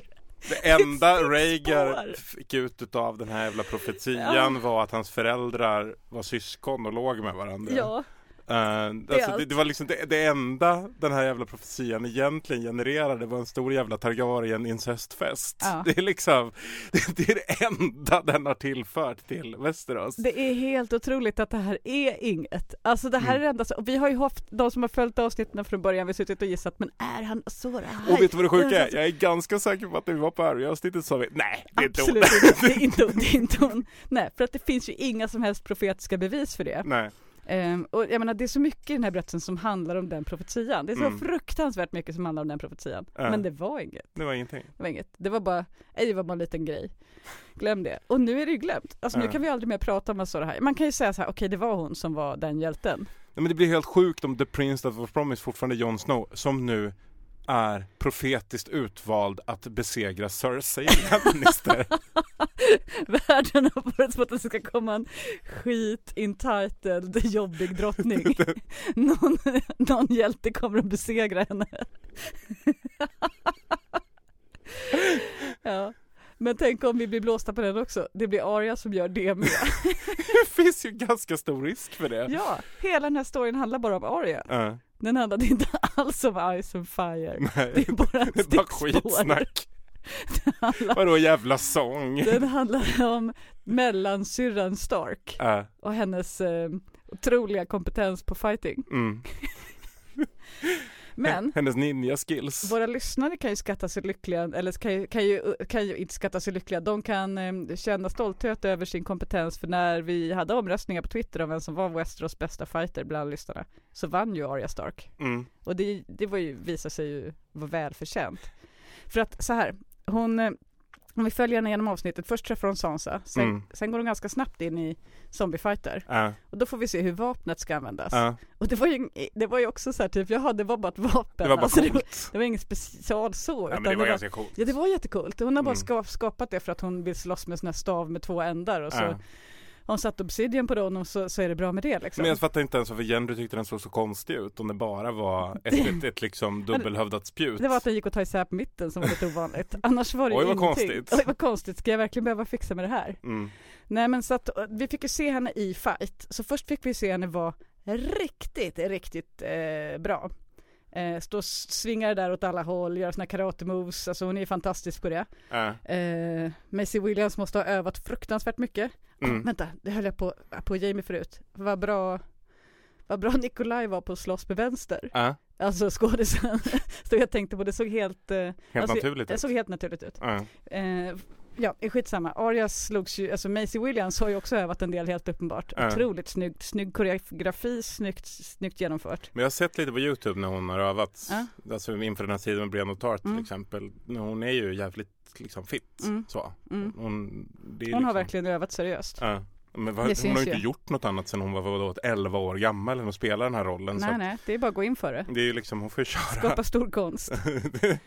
Eh, jo men och sen så, sen så fyller hon ju ytterligare ett litet purpose här, eller rättare sagt hon, hon, låter någon annan fylla sitt purpose för att, ja, okej vi kommer till The Hound sen, Mm. men allra allra först så händer det här, den här scenen som vi har sett i trailern när hon eh, är rädd Mm. för något. Och då trodde ju vi att hon skulle vara rädd för något extra läskigt. Mm. Alltså något läskigare än vanliga odöda, men det var hon inte. Nej. Hon har på något sätt freakat ur i den här stunden. Ja. Kan man tolka det så? Du gör ju det. Ja. Jag tolkar det mest som att man vill ha en sån här zombie-smygscen. Eh, för hon smyger runt i biblioteket Mm. medan det går Som runt borde ha brunnit ner. Ja jag vet, Ja. Det, det borde ha brunnit ner. Det är jättekonstigt att det står kvar Mm. efter att hela Winterfell har brunnit. Mm. Eh, men det gör det i alla fall. Och där smyger hon runt. Det är väl den här Mäster Cluin eller vad han hette nu igen. Den här som Vulken? Vulkan. Ja, Vulken. Vulsen. Eh, nej men okej, den nya mästaren har kanske bara byggt ett nytt bibliotek. Ja, Alltså, så kan det beställt också vara. supermycket böcker. Men jag är väldigt, väldigt, väldigt, väldigt kluven till det här. För att jag Smygscenen. tycker att det smygandet är lite löjligt. Det vore ju bättre att bara ha ihjäl dem där. Hon ska ju ändå vara där inne fortfarande. Mm, hon kunde ju haft ihjäl dem för så många var de ju inte. Nej. Sen, efter det här, Mm. så uppstår ju helt nya situationer. Där stämningen blir lite mer som när man hade fest, hemmafest på gymnasiet och hela skolan kom. Mm. Alltså det här när folk liksom så här, det är zombier som liksom slår in varje dörr, ramlar in genom dörren. Mm. Det är bara knökat med zombier överallt och då fattar man ju att hon blir rädd. Ja. Men hon är ju rädd redan innan. Men jag Ja. tänker att det, de, man vill visa Arya lite mänsklig Eh, en liten stund. Man vill att det ska vara ett ögonblick utav att hon eh, inte pallar trycket bara. Det är för mycket, det är för mycket, det är jättemycket zombies här. Ja. Jag, jag orkar inte, jag är rädd. Den första som blir rädd är ju The Hound. När Ja, hon det. fortfarande är modig. Och då säger Beric Dondarrion, kolla på henne. Mm, jaha, men jag tänkte att han ska kolla på henne, hon håller på att ramla ner från ett tak och bli uppäten av zombies, du måste hjälpa jag, henne. nej, jag tror att han säger kolla på henne. Hon håller sig vid liv. Nej nej, jag tror hon, så, hon håller sig nästan inte vid liv, vi måste hjälpa henne. Ja, att, att, att The Hound blev modig, inte för att han var inspirerad utan för att han, hans, för han såg Arias liv som viktigare än sitt. Eh, ja, så kan det ha varit i och för sig. För sen är det det de gör, de ger sig iväg för att hjälpa Aria. Mm. Och det är tur, för annars hade hon ju varit för hon ramlar ju ut genom en dörr och så är hon helt överhopad av zombies. Och vet du? Vet du? Ja, Här tänkte jag på en grej. Ja. Vet du vem som är Azora High? Beric. Beric, Dondarrion. ja. Alltså Beric gjorde ju väldigt... Arya är Lightbringer. För att han gör ju nästan så här messiahsk Han gör en pose när han blir Jesus-grej. dödad. Ja. Han ställer sig för att liksom hålla positionen så att de andra två hinner fly. Mm. Och då tar Hound Arya under armen. Som Mm. han gjorde när de flydde från The Brotherhood Without Banners typ. Vet du när du hade det här tonläget? Ja. Då tänkte jag, nu kommer de säga, och då tar zombie alla sina små, små knivar. Hugger Beric Berk, det Dondarrion. gjorde de också. Ja, Var får de alla dessa små knivar ifrån? För de har ju också stora svärd som de släpar runt på. ja, men, och en spikklubba såg jag nu också. ja, men plötsligt när det är de här dödsscenerna då är det alltid de små knivarna som åker fram. Mm, Alla har en sån i bältet typ. Det är deras bästa vapen. mm. Men, ja, men då tar han henne under armen och det är en sån härlig mm, callback till säsong två. Mm. När, när han bär runt, eller är det säsong tre? Ja, säsong två. När han bär runt på The Riverlands. Det var jättemysigt ju. Mm. Och också så, här, så ovärdigt för Arya att bli buren. Ja. Men det är liksom inte läge att börja gnälla då. Sen fattar man inte riktigt hur Beric kommer ut ur det där Nej. knepet. Nej, det har funnits viss, vissa klagomål på det i olika så Youtube-videos. Youtube-videos. ja, att, att han är ju faktiskt ingen Stålman. Nej. Liksom. Han borde, Han borde inte dött. kunnat springa med de huggen i benen som han får. Huggen i benen, hugger i ryggen, alltså Ja. han har ju fått hugg överallt. Ja. Så att det, det nej, han, han borde inte Å andra sidan skriva. är han ju van, han måste ju ha hög smärttröskel eftersom han är sjukt van vid att bli dödad. Mm. Alltså typ att det här är såhär, ja ja, inte igen. Eh, Han har ju varit med om det här tio gånger eller något. ja, men nu blev det ju så. Ja, nu blev det så. Det var en fin scen. Han Också, gnäller ju inte så jävla mycket, det får man ju ge honom. det gör han inte. Nej. Också nästa scen när Beric dör. Mm. Så, så är det så här, de, de har stannat upp tiden nästan. Mm. Beric och Arya ser på varandra. Beric har lite öppen mun, säger inget, dör. Mm. Alltså man var så säker på att han skulle ha ett slutord. Ja, Men det med har sin han inte. sexiga röst. Ja, men det Mm. kom ingenting. De tar koll på så mycket silverryggar Ja, överlag. det gör de. Ja. Men sen kom ju den här eh, väldigt betydelsefulla scenen med Melisandre. Som man känner, det är syftet till att hon har åkt tillbaks här nu. Mm. You said I'd shut many eyes forever. You were right about that too. Brown eyes, green eyes, and blue eyes.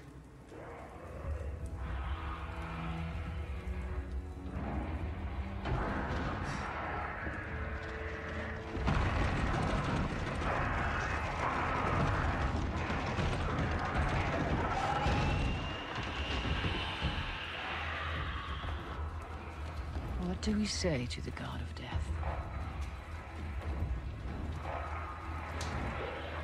Not today. Det var ju också underbart, callback till Mm. säsong ett. Ja. Och till, eh, eh, och till Jack and Hagar som har lite liknande repliker i, i omlopp. Mm. Och, och det Nej, får man väl ge. Arya, att hon går ju igång på en bra slogan. Och hon fattar ju att det här är någon som vet något. Ja. Eh, jo, det sista som Arya har hört talas om Melisandre, det var ju Mm. när hon låg med Gen- Gendry och han berättade om hur hon hade klippt, bundit fast honom i en säng, klätt av honom naken och satt iglar på snoppen. Ja. Så att eh, det är liksom så här, typ, det är det, det är vad hon har i huvudet kan man tänka sig när hon vänder sig om och bara, jag känner igen dig. Vi har träffats förut tror jag. Jag vet träffats förut. Mm. Och sen kommer den här väldigt överraskande vändningen när, och, Arya fattar ju budskapet på något vis. Ja. För att det hon gör då, det är ju inte så här, hmm, utan hon bara tänker, vänder, springer till The Godswood. Nej men det är också så jävla konstigt att hon säger det. Du alltså, har dödat brunögda, grönögda och blåögda. Mm. Men jag har en känsla av att Melisandre vet att Arya vet Mm. Alltså det finns en intuitiv förståelse, de behöver inte växla några ord. Mm. De behöver bara titta på varandra på ett meningsfullt sätt för Mm. att Arya ska förstå Fan, det är som jag tror. Mm. Alltså Arya har trott det här någonstans för hon är Azor Ahai. hon vet att det är hennes öde att besegra nattkungen. Mm. Eh, men det känns ju lite förmätet att hålla på med. Men hon har ju varit väldigt kaxig innan och så. Ja. Eh, death has many faces och så. Vet du vad det sjukaste av allt är? Nej. Vad hade eh, The Last Hero? En hund. Det är verkligen det sjukaste av allt.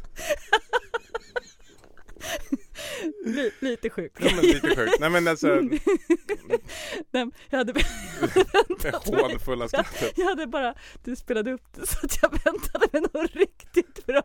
Bättre än en hund. Eh, nej men jag kom, kom bara på bara, att... otroligt likt, otroligt. Otroligt likt.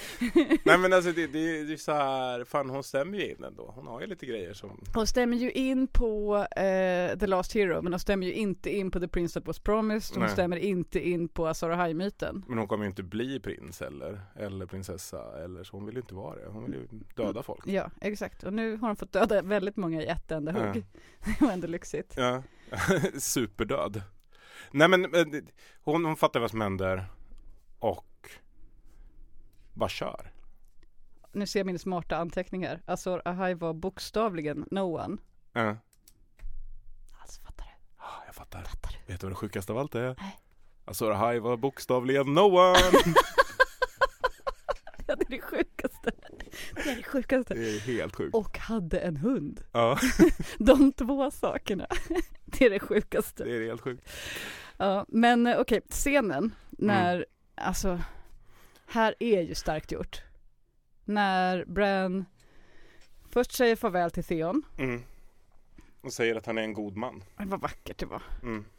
Det var så Det vackert. var det enda Theon behövde höra. enda Theon behövde höra för att springa mot sin helt onödiga död. Det helt meningslöst. Jag tänker att han kunde väl hållit Brans sällskap sista minuten på den där promenaden fram till nattkungen istället. Men okej, Ja, eller liksom det skapar ju en tydligare bild efteråt att Theon inte står där i vägen. Han kunde ju ha stått still. Jo, men jag menar det hade inte blivit lika bra filmscen, Nej. den sista. Ja. Nej men ibland får man ju köpa det. Mm. I, ibland så är de här felbesluten eller liksom så, de är okej för att Mm. det blir bättre. Jag tänker mig att när Theon gör det här movet, det är precis lika dumt som när eh, Jamie Lannister eh, red med en, en lans rakt mot en drake. Ja. Eh, det är fruktansvärt dumt och det kan bara sluta på ett sätt. Mm. Nu hade ju Jamie Bron. Mm. Theon hade ju kunnat haft någon som bara hoppade och glidtacklade honom åt sidan. Det hade han inte. Roligt om Bran hade kommit efter med rullstol. Krokben. Sulat något. Så han hade en fallit. korp. en korp kommer komma och lyfter upp Theon. Bär honom ur muren. Det är inte din tur än. Nej men det, det är precis sånt där läge när man kunde ha tänkt sig att, att Bran kanske kunde ha varit lite effektiv. Alltså, Ja. om John är ineffektiv Mm. så är Bran ska vi inte prata om. Han gör ju inte ett vettigt skit.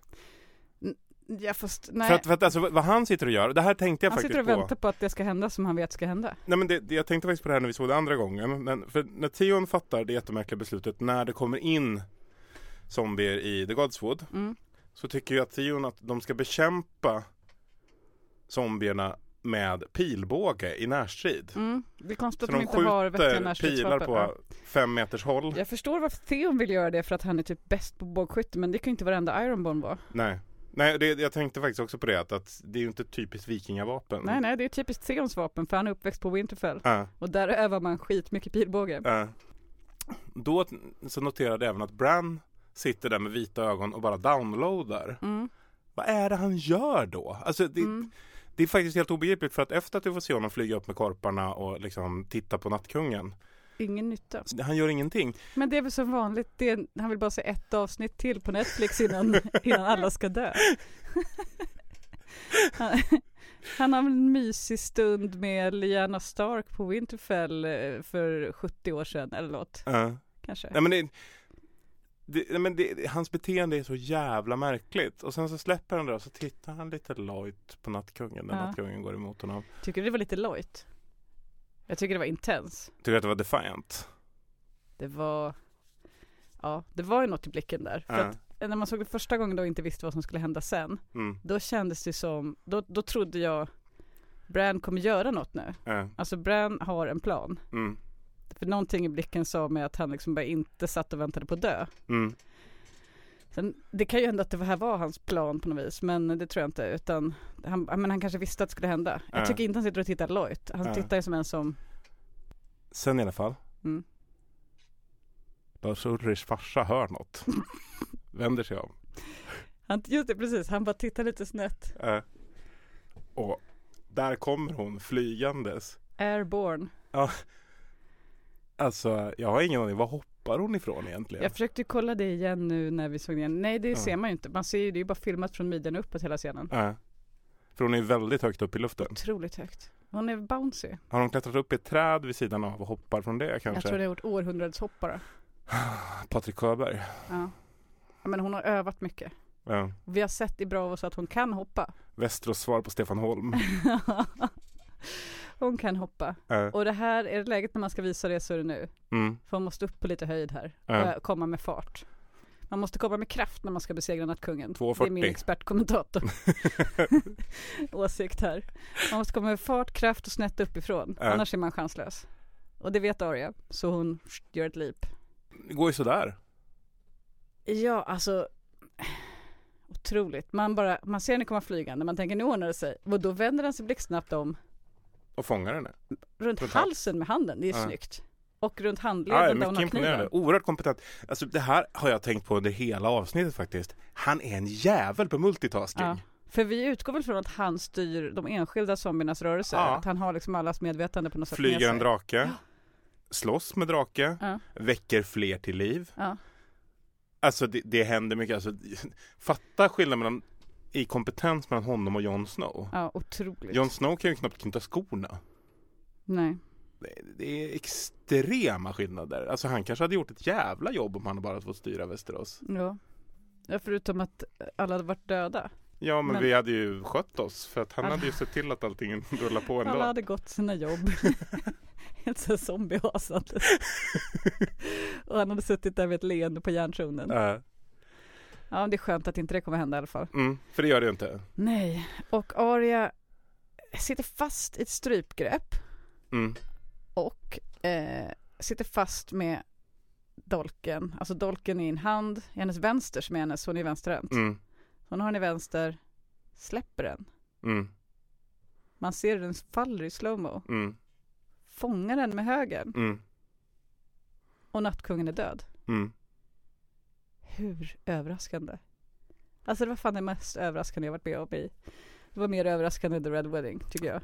Jag Alltså det var, att, att nattkungen skulle dö i sig var kanske inte lika överraskande men mm. fightscenen. jag, Nej jag tyckte inte den var så bra. Eller jag tyckte det var lite antiklimax för det gick lite för fort allting där. Ja men det var ju det som var poängen, att den var så jävla överraskande. Eh. Alltså typ att det gick så jävla det var, jag hade bara absolut inte väntat. Att överhuvudtaget nattkungen skulle dö i det här avsnittet. Mm. Outrageous liksom. Nej, det, det, alltså jag vet inte. Jag, jag tyckte det här var, det här var en av de här scenerna när jag blev, eller liksom, problemet tror jag var att, att det var ju inte så balla effekter när hon hade stött dolken i honom utan han föll ihop i de här isbitarna. Och det enda jag börjar tänka på då är det här liksom att det är 99% vatten i en gurka men det är 100% vatten i nattkuggen. Att han är som en vandrande Calippo. Ja. Det är liksom, ja, att han verkar vara gjord bara av is. äh, Men det kan ju vara lite magi också att han förvandlas till is av, lite som muren. av den här dolken. Ja, men sen faller de andra bitar också. Och, och Mm. där börjar jag undra också, här, den här isen, Mm. Ska man kunna sätta en pinne i den? Alltså skulle hon den här lilla med ärret i ansiktet? Kunna få lite. Lite isglass? men är det kött i isen helt enkelt eller är det bara is nu? Nej men det, det vet vi ju inte. Nej. Men det verkar ju som att det inte är något kött utan det är bara is.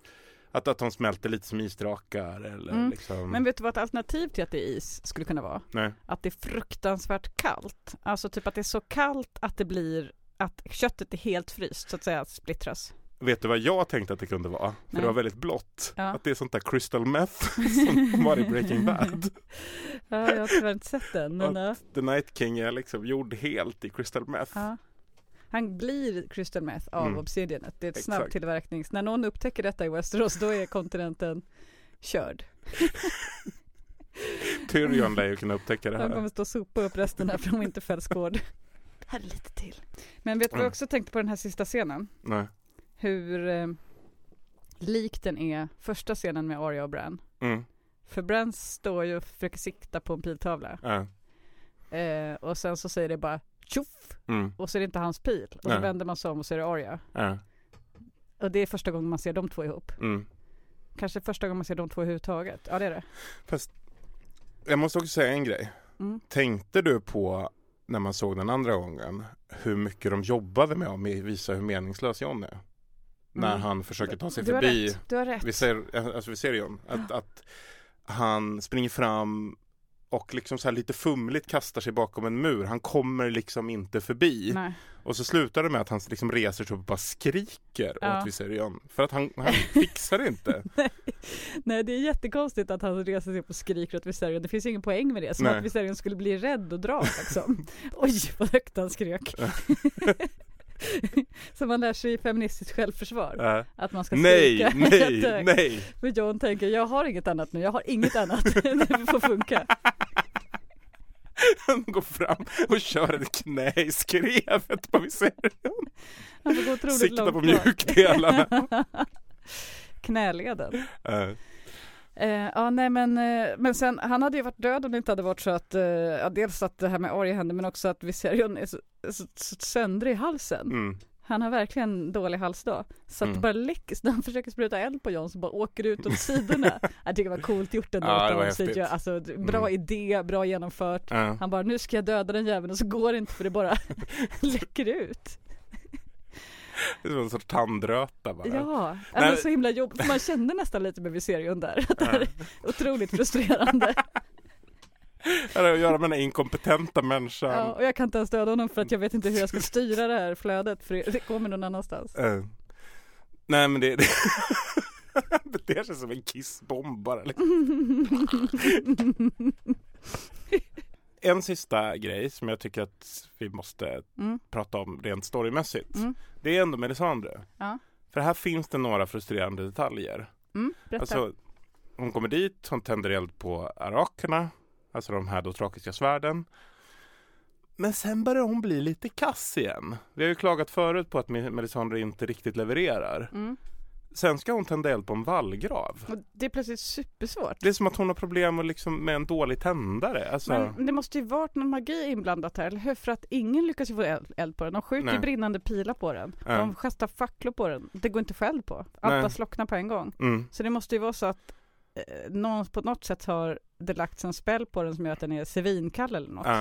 Nej men för att Melisandre gör ju också en annan grej här som är lite, hon är ju lite lik Nattkungen i viss mån i sitt beteende för hon går ju väldigt långsamt. Mm. Så när, när, när Diane Sallid går ut i formation för Mm. att liksom hon ska kunna gå, då skrider hon Ja, fram ja. till den här Hon tänker inte skynda sig. Småjoggar är ju uteslutet. Nej fan eller det är under hennes värdighet. Jag är Melisandre från Arsha, jag småjoggar inte. Nej men det, det är så mycket här, det jag tänker så här att, att vad mycket göttigare allt hade varit med Thoros of Myr Mm. ändå. Mm. Som inte verkar ha några problem i världen. Han, dricker, alltså, han, han är så jävla mycket begåvad men lat. Mm. Att, att liksom så här, saker bara faller sig lite naturligt fram. Han väcker liv i Beric Dondarrion åtta jävla gånger. Mm. Melisandre får liv i John efter vad då? Det är också så här, tändaren funkar inte riktigt. Det är liksom som att hon försöker dra igång en gräsklippare. Mm. Det är liksom, Men hon visste ju inte ens, i ärlighetens namn, så visste hon ju inte ens att hon kunde det. Nej men det visste ju inte Of Myr Nej det var ju heller. ett misstag, men jag Ja. menar, det var ju hennes första, alltså hon har ju inte, om hon skulle göra det där varje dag, om John skulle dö igen och igen och igen, då kanske hon skulle bli snabb. I ett pepp feministiskt perspektiv så hade man ju ändå blivit väldigt arg på Thoros of Myr för det där. Att han är en sån snubbe som bara går in och har så jävla lätt för sig. Dricker mycket, har ett flammande svärd och bara återuppliva döda utan att ens mena det. För att, och det här är faktiskt det störigaste av allt. Melisandre, när allting är över, Mm. Skrider ut i fältslaget, Mm. tar av sig sitt halsband, den här broschgrejen hon har med, Mm. med rubinen, Mm. blir gammal och dör. Varför är det störigt? För att ett, varför berättar hon inte allt hon vet för de andra om, om liksom vad det är som har hänt, vad nattkungen är, vad, hur den här relationen ser ut? Vi har ju gått igenom det här, hon har noll trovärdighet. Men det finns en grej till. Svårt skulle det ha varit för henne att liksom lite väcka Jorah Mormont till liv. På vägen när jag gick förbi. Hon Ja. ser den när du sitter där och var skitledsen. Ja. Hon skulle kunna väcka Beric. Liana Mormont till liv. Beric, ah, men han vill inte. Han, nej, Han vill han- inte. han Låt han Låt vara. han vara. Det är liksom, Han gjorde det där med flit. mm. Nej men det, han, han är färdig nu. Mm. Det, det, det hade ju inte gått. Precis. Theon. Han har bara, och det är så himla knäppt då, alltså att han har blivit återuppväckt så många gånger bara för att han ska ställa sin korridor och med sin egen kropp skydda Arya Stark i framtiden. Ja. Det är väl toppen. Ja. Det säger till och med Melisandre. Exakt, hon säger det. Ja, Det här var hans syfte, nu är han färdig. Han har levt klart. ja. Alla har väl levt klart nu, det, om deras syfte var, var det här. Nej men det, det är faktiskt, det, det är inte ett plot hole för Melisandre gör ju vad hon vill Mm. såklart. Mm. Men det är lite konstigt att hon inte kan liksom ställa upp lite. Mm. För hon har inte gjort så jävla mycket nytta egentligen. Men jag tänker inte att hon har inget, hon har noll intresse. Det här är det enda hon har brytt sig om. Mm. Överhuvudtaget. Mm. Det är hennes, hon är fanatisk. Ja. Hon är fanatisk på att nattkung, alltså på att the long night ska besegras. Mm. Och det är det enda hon bryr sig om. Och, och nu har hon äntligen fått ihop det, hur Ja. det ska gå till. Mm. Så hon åker dit, gör sin roll, men i övrigt är hon så färdig. Mm. Totalt färdig. Ja. Så att hon tänker hon bryr sig inte om vem som lever eller inte. Nej. Hon, det här var det enda hon brydde sig om. Mm. Och jag menar hon har ju visat tidigare att hon faktiskt inte bryr sig om vem som lever och inte. Mm. Döda i vem som helst bara det gagnar hennes syften Snow. pyttelite. Nej men hon bryr sig väl inte så jättemycket om, för det var bara att hon trodde att han var Azor Ahai. så att eh, det var ju fel. Det är roligt att alla de här synerna när hon såg, bara såg snö faktiskt var testbild bara. Det var inte Jon Snow. Det var liksom bara att det var störningar i Mm. visionerna. Mm, mm. Alternativt så, alltså för att jag tänker så här, den här ser ju faktiskt också snö på järntronen. Mm. Det här är ju någonting som kommer hända sen. Ja. Som, den här kommer se snö på järntronen. En, en drake kommer flyga över Kings Landing. Mm. Vintern kommer ju, för det är en vanlig jävla årstid, den kanske kommer ändå. Ja. Eh, draken som flyger över, det måste ju liksom, det måste ju hända. Mm. För det finns i den här synen. Mm. Ja men vi, vi ska väl knyta upp det här då. Mm. Det är lite saker då. Eh, är det något mer in memoriam här vi ska göra? Vi har pratat om Theon. Men får jag bara säga, hans död, han fick ju också den död han skulle önskat sig. ja, det fick han. Eh, och han fick se bra ut när han dog, det är ju viktigt för Mm. Theon. Han Han fick, han fick dö i bra frisyr, riktigt bra hårda, bra Mm. rustning, allt var bra. Han såg lite sliten ut fortfarande. Men, ja, men han är ju efter tortyråren och det, Mm. fortfarande lite sliten, men sitt, sitt bästa på åratal ja, fick han ju se ut. Och Ed Tollett dog ju också. Mm. Så himla, alltså typ okej, vi ska ge en död till någon som vi bryr oss om, men inte som vi bryr oss så mycket om. Mm. Ed lite väldigt Dolores tidigt. Ja. Ja, Visst, han har varit med i hela storyn, men det är inte som att man bryr sig. Men alltså, däremot Theon har man ju investerat, han har man ju fått med på en jävla resa upp och ner. Han har verkligen levt alltså. Han har verkligen levt. Alltså det har gått dåligt och det har gått Och nu, man har investerat otroligt mycket känslor av hat, kärlek, hat, kärlek och så vidare för honom. Så att, att han är borta nu, det berör ju en. Mm. Jorah Mormont berör en. Ed, nej. Liana bryr mig faktiskt ärligt talat inte heller så mycket om. Nej, faktiskt inte jag heller. Hon, hon fick en hjältemodig död, hon tog ut en jätte, det kommer sjunga sånger Mm. för all framtid av henne. Jag gillar bara inte när Ette dör ut på det där sättet. Nej, det är men, tråkigt. men det är ja, Det kommer ju bli ett kort att spe- men alltså ännu en borg till Bronn. ännu en borg till Bronn. Jag menar herregud hur många ettor är det kvar i Norden nu? Inte så många tror jag. Nej, inte många alls. Det är bara de här fega jävla Cranogmen Reeds som fortfarande inte har dykt upp. Utan vi vet ju inte vad som hände med familjen Glover i och för sig. De som vägrade åka till Winterfell. Nej men de bor väl på rätt sida av eh, Ja, Så att eh, de har väl klarat sig. Ja. Nu tänker de utmana The Stark som makten över Norden. Det vore nog oväntat. Så att nästa, det stora Game of Thrones från nu, det är mot Etten Glover. För de har sitt folk intakt så de är lite starkare. Eh, Men inte mot en drake.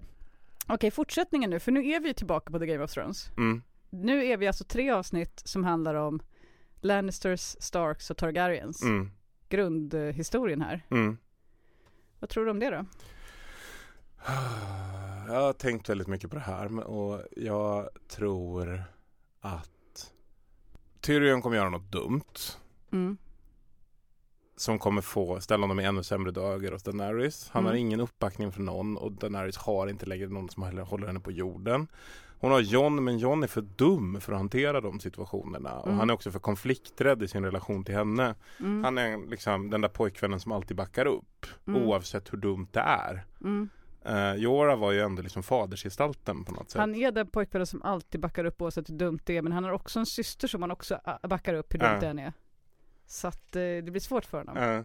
Så Daenerys befinner sig i viss mån, alltså sto, stora steget egentligen, den stora frågan just nu är om Sansa älskar makten över Norden mer än hon hatar Cersei Lannister.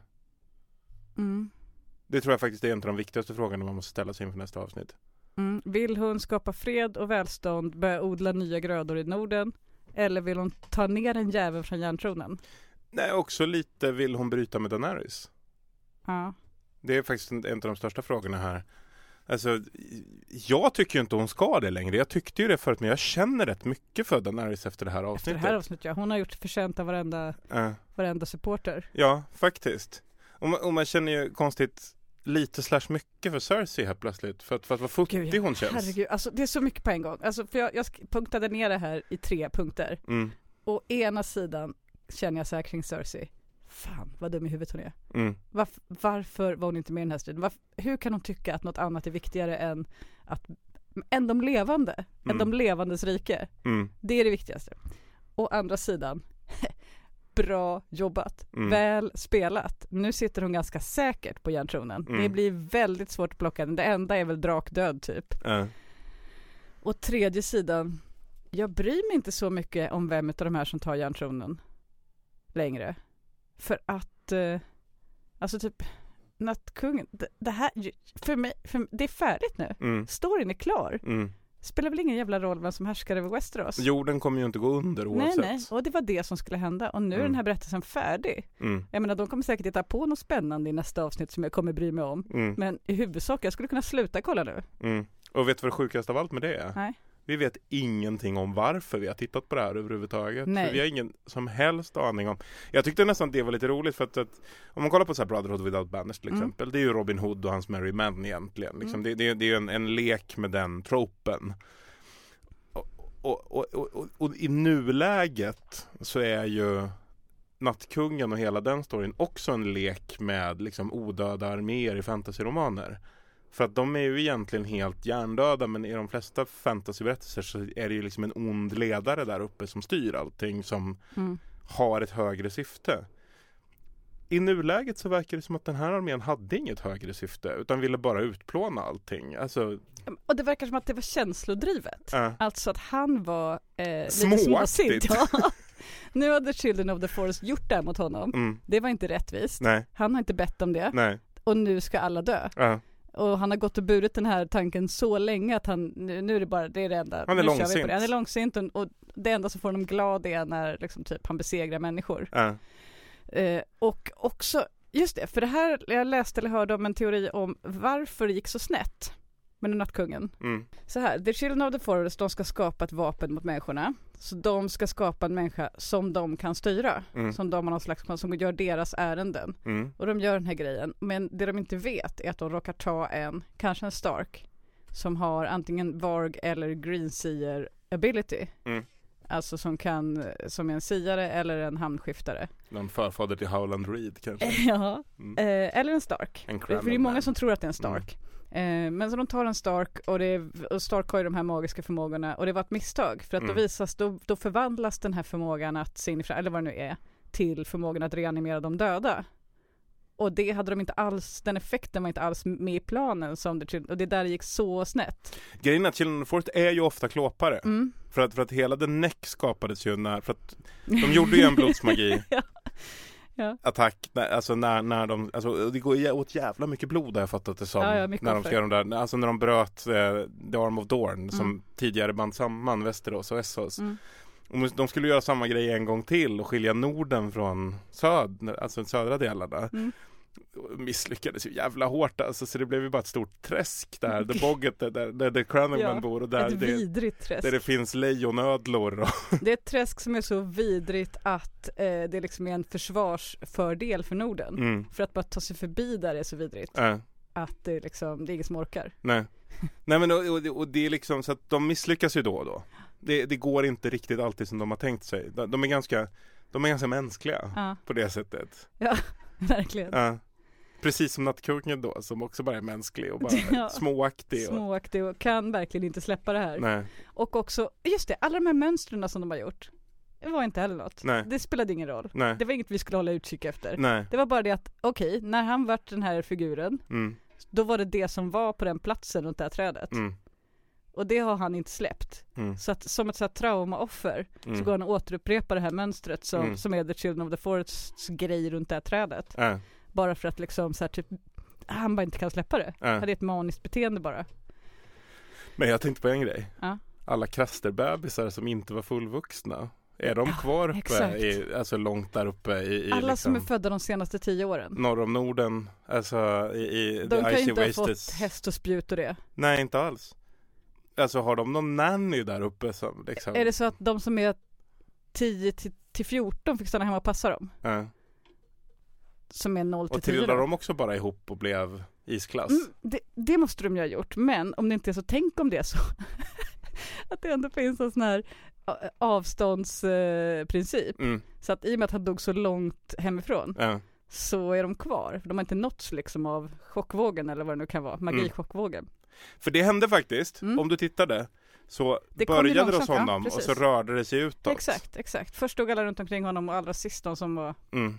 Så att då kanske det liksom typ helt dött ut när det kommer dit. Ja. Och då så får vi så här typ nästa tre avsnitt, Dick Resters bebisar Kommer de krypandes? kommer krypande. Eh, Men Viserion, nej just det, han dog ju. Mm. Annars hade han kunnat hämta dem lite snabbt. Ja, nej men det, men däremot, vad, vad hände med Regal? Fan händer med Regan? Om han är död utanför bild och om Ghost är död utanför bild, då slutar jag kolla. Mm. Återigen, Då Jon väntar, Snow. jag, då väntar jag på The Winds of Winter och så får vi nästa poddavsnitt vara så här efter det då. Ja, men jag har inte sett avsnittet men du kan berätta lite. Nej men alltså Jon Snow är ju världens sämsta husse. Han har inte fixat Båda någonting. hans husdjur är som det kanske döda och han går inte ens och tittar efter. Nej, han bryr sig inte. Han ställer sig och skriker åt ett annat husdjur. han vet inte hur man tar dem. det är ingen djurmänniska. Nej, han kan inte, han hugger massa träd när han ska flyga drake. Äh, Nej, han är inte, han har inte hand med dem. nej. I och för sig han hand med, han hade hand med Ghost säsong ett. Ja, säsong ett ja. Och det var han som räddade livet på dem en gång i tiden. Men, men han är ju som många är. När man ser en liten valp så tänker man sig att det ska bli lätt där. det är jättejobbigt när den är- för stor som en ponny. det är inte samma grej. Äh. Och för att tala om draken då. Men eh, är vi på väg i mål? Ja, jag vill bara säga en, en sista grej angående den här sista, angående vad som kommer nu. För nu, the endgame är ju uppenbarligen inte det här. Nej. The endgame kommer nu. Mm. Det kan ju inte bara vara så här typ, okej nu har vi lite möten i olika rum, sen dödar vi Cersei, är det klart. Nej. Utan det måste ju ske något episkt. Något enormt, för att det är halva säsongen Mm. kvar till detta. Fast det är bara tre avsnitt. Alltså, jo, jag, men det, det, de, de, har här inte var fått... bara tre avsnitt. Ja, för att de har inte fått mycket gjort på de här tre avsnitten egentligen. Ja, man har De har sagt för- många hejdå. De, de sa många hejdå och sen så var det fight. Ett var ju att var positionera inte- sig, ett var att säga hejdå och ett var slaget. Ja, Nästa måste de ju positionera sig på nytt, alla. ja men det var ju, alltså framförallt så måste de ju säga hej igen eftersom alla överlevde. Det kan bli ett helt nu är det så här avsnitt totalt med den här awkward stämningen när man först säger hejdå och sen ska vi samma tunnelbana. Äh, är Gendry jätte- och Arya träffas efter fältslaget nu och bara så här, Shit, kanske du det skulle... där som hände i förrgår. Jag trodde vi skulle dö så... Mm. eh, du förstår va? Ja, inte, inte du och jag. Eh, vi kan väl vara kompisar men eh, Mm. jag har lite mycket just nu. Tyrion bara, du när jag tog din hand och började slämma på den. Mm. Äh, jag ber om ursäkt, jag trodde jag skulle dö. Eh, Jag var lite full. det kan bli mycket sådana. Det blir ett långt avsnitt. Mm. En och en halv timme. Nej men någonting episkt, alltså typ någonting fruktansvärt episkt kommer hända i Kings Landing. Det kommer brinna ner kanske, för det har vi sett i visioner. Mm. Det kommer, eh, det kommer vara drakar där. Mm. Det kommer vara eh, Valoncars där. Mm. Och Cersei har just nu Westeros största armé. Mm. Det är mäktigt ändå. Det är riktigt mäktigt. Men jag, jag å ena sidan bryr mig inte längre. Nattkungen är besegrad, det är klart. Å andra sidan. Och just det, och det är också det här lite så här, typ att man ju alltid lite, lite har hållit på Cersei. Mm. Och nu kan man inte det. Mm. Man kan inte det därför att det här var så jävla värdelöst att bara sitta och vänta ut det här. Mm. Snyggt maktspelat, men jag är ändå så arg. Jag tror att i nästa avsnitt kommer någonting hända som är, får reaktionen Var orättvist. Alltså Mm. att Cersei gör någonting. Att hon faktiskt gör en, en, en aktion av något slag. Mm. Precis när de är som klenast. Kan det hända någonting som gör att, för att Cersei har ju inte haft någonting som ens liknar redemption, Nej. inte ens i närheten. Mm. Kan något hända som gör att hon förändras i våra ögon? Nej. Jag tror inte att det är hennes Det är för nu. sent. Nej. Det är bara tre avsnitt kvar. Ja. Det räcker inte för att vi känslomässigt ska bry oss. Om hon skulle göra någonting gott, ett själv, självoffer eller rädda någon annans liv skulle vi knappt bry oss om det heller. Mm. Det skulle bara vara, äh, vara oh, Cersei. Mm. Jag vill tacka alla jätte- jättemycket för alla recensioner och alltså typ vi har fått in jättemycket bra recensioner. Vad var det du hotade våra lyssnare förra avsnittet? Ja, efter det fick vi en trea. Alltså Ja. en som gick ut med namn och en- med så här, typ användarnamn och skrev en recension med en trea. Jenny försökte spåra den här personen. Ja, jag har spårat den personen. Så fortsätt ge femmor där ute. dock, dock har jag inte kommit fram till, till några konsekvenser än. Jag vet inte. Jag har, jag har idéer. Men, men det vore småsint. Ja, lite småsint. Småsint. Men jag tycker också att det var väldigt småsint av den här personen att ge en trea när du uttryckligen sagt att du inte ville ha några jävla Mm. treor. Du hade kallat de här människorna för monster. Mm, visst, en trea ändå. Mm. Men vi tänker inte mer på det. Vi fokuserar på att vi faktiskt eh, har fått jättemycket bra recensioner och betyg. Så det är vi superglada över. Inte minst så är det bra för våra egon. Eller, då, eller dåligt. Så ses om en vecka då. Det gör vi. Hej då. If you think this has a happy ending, you haven't been paying attention.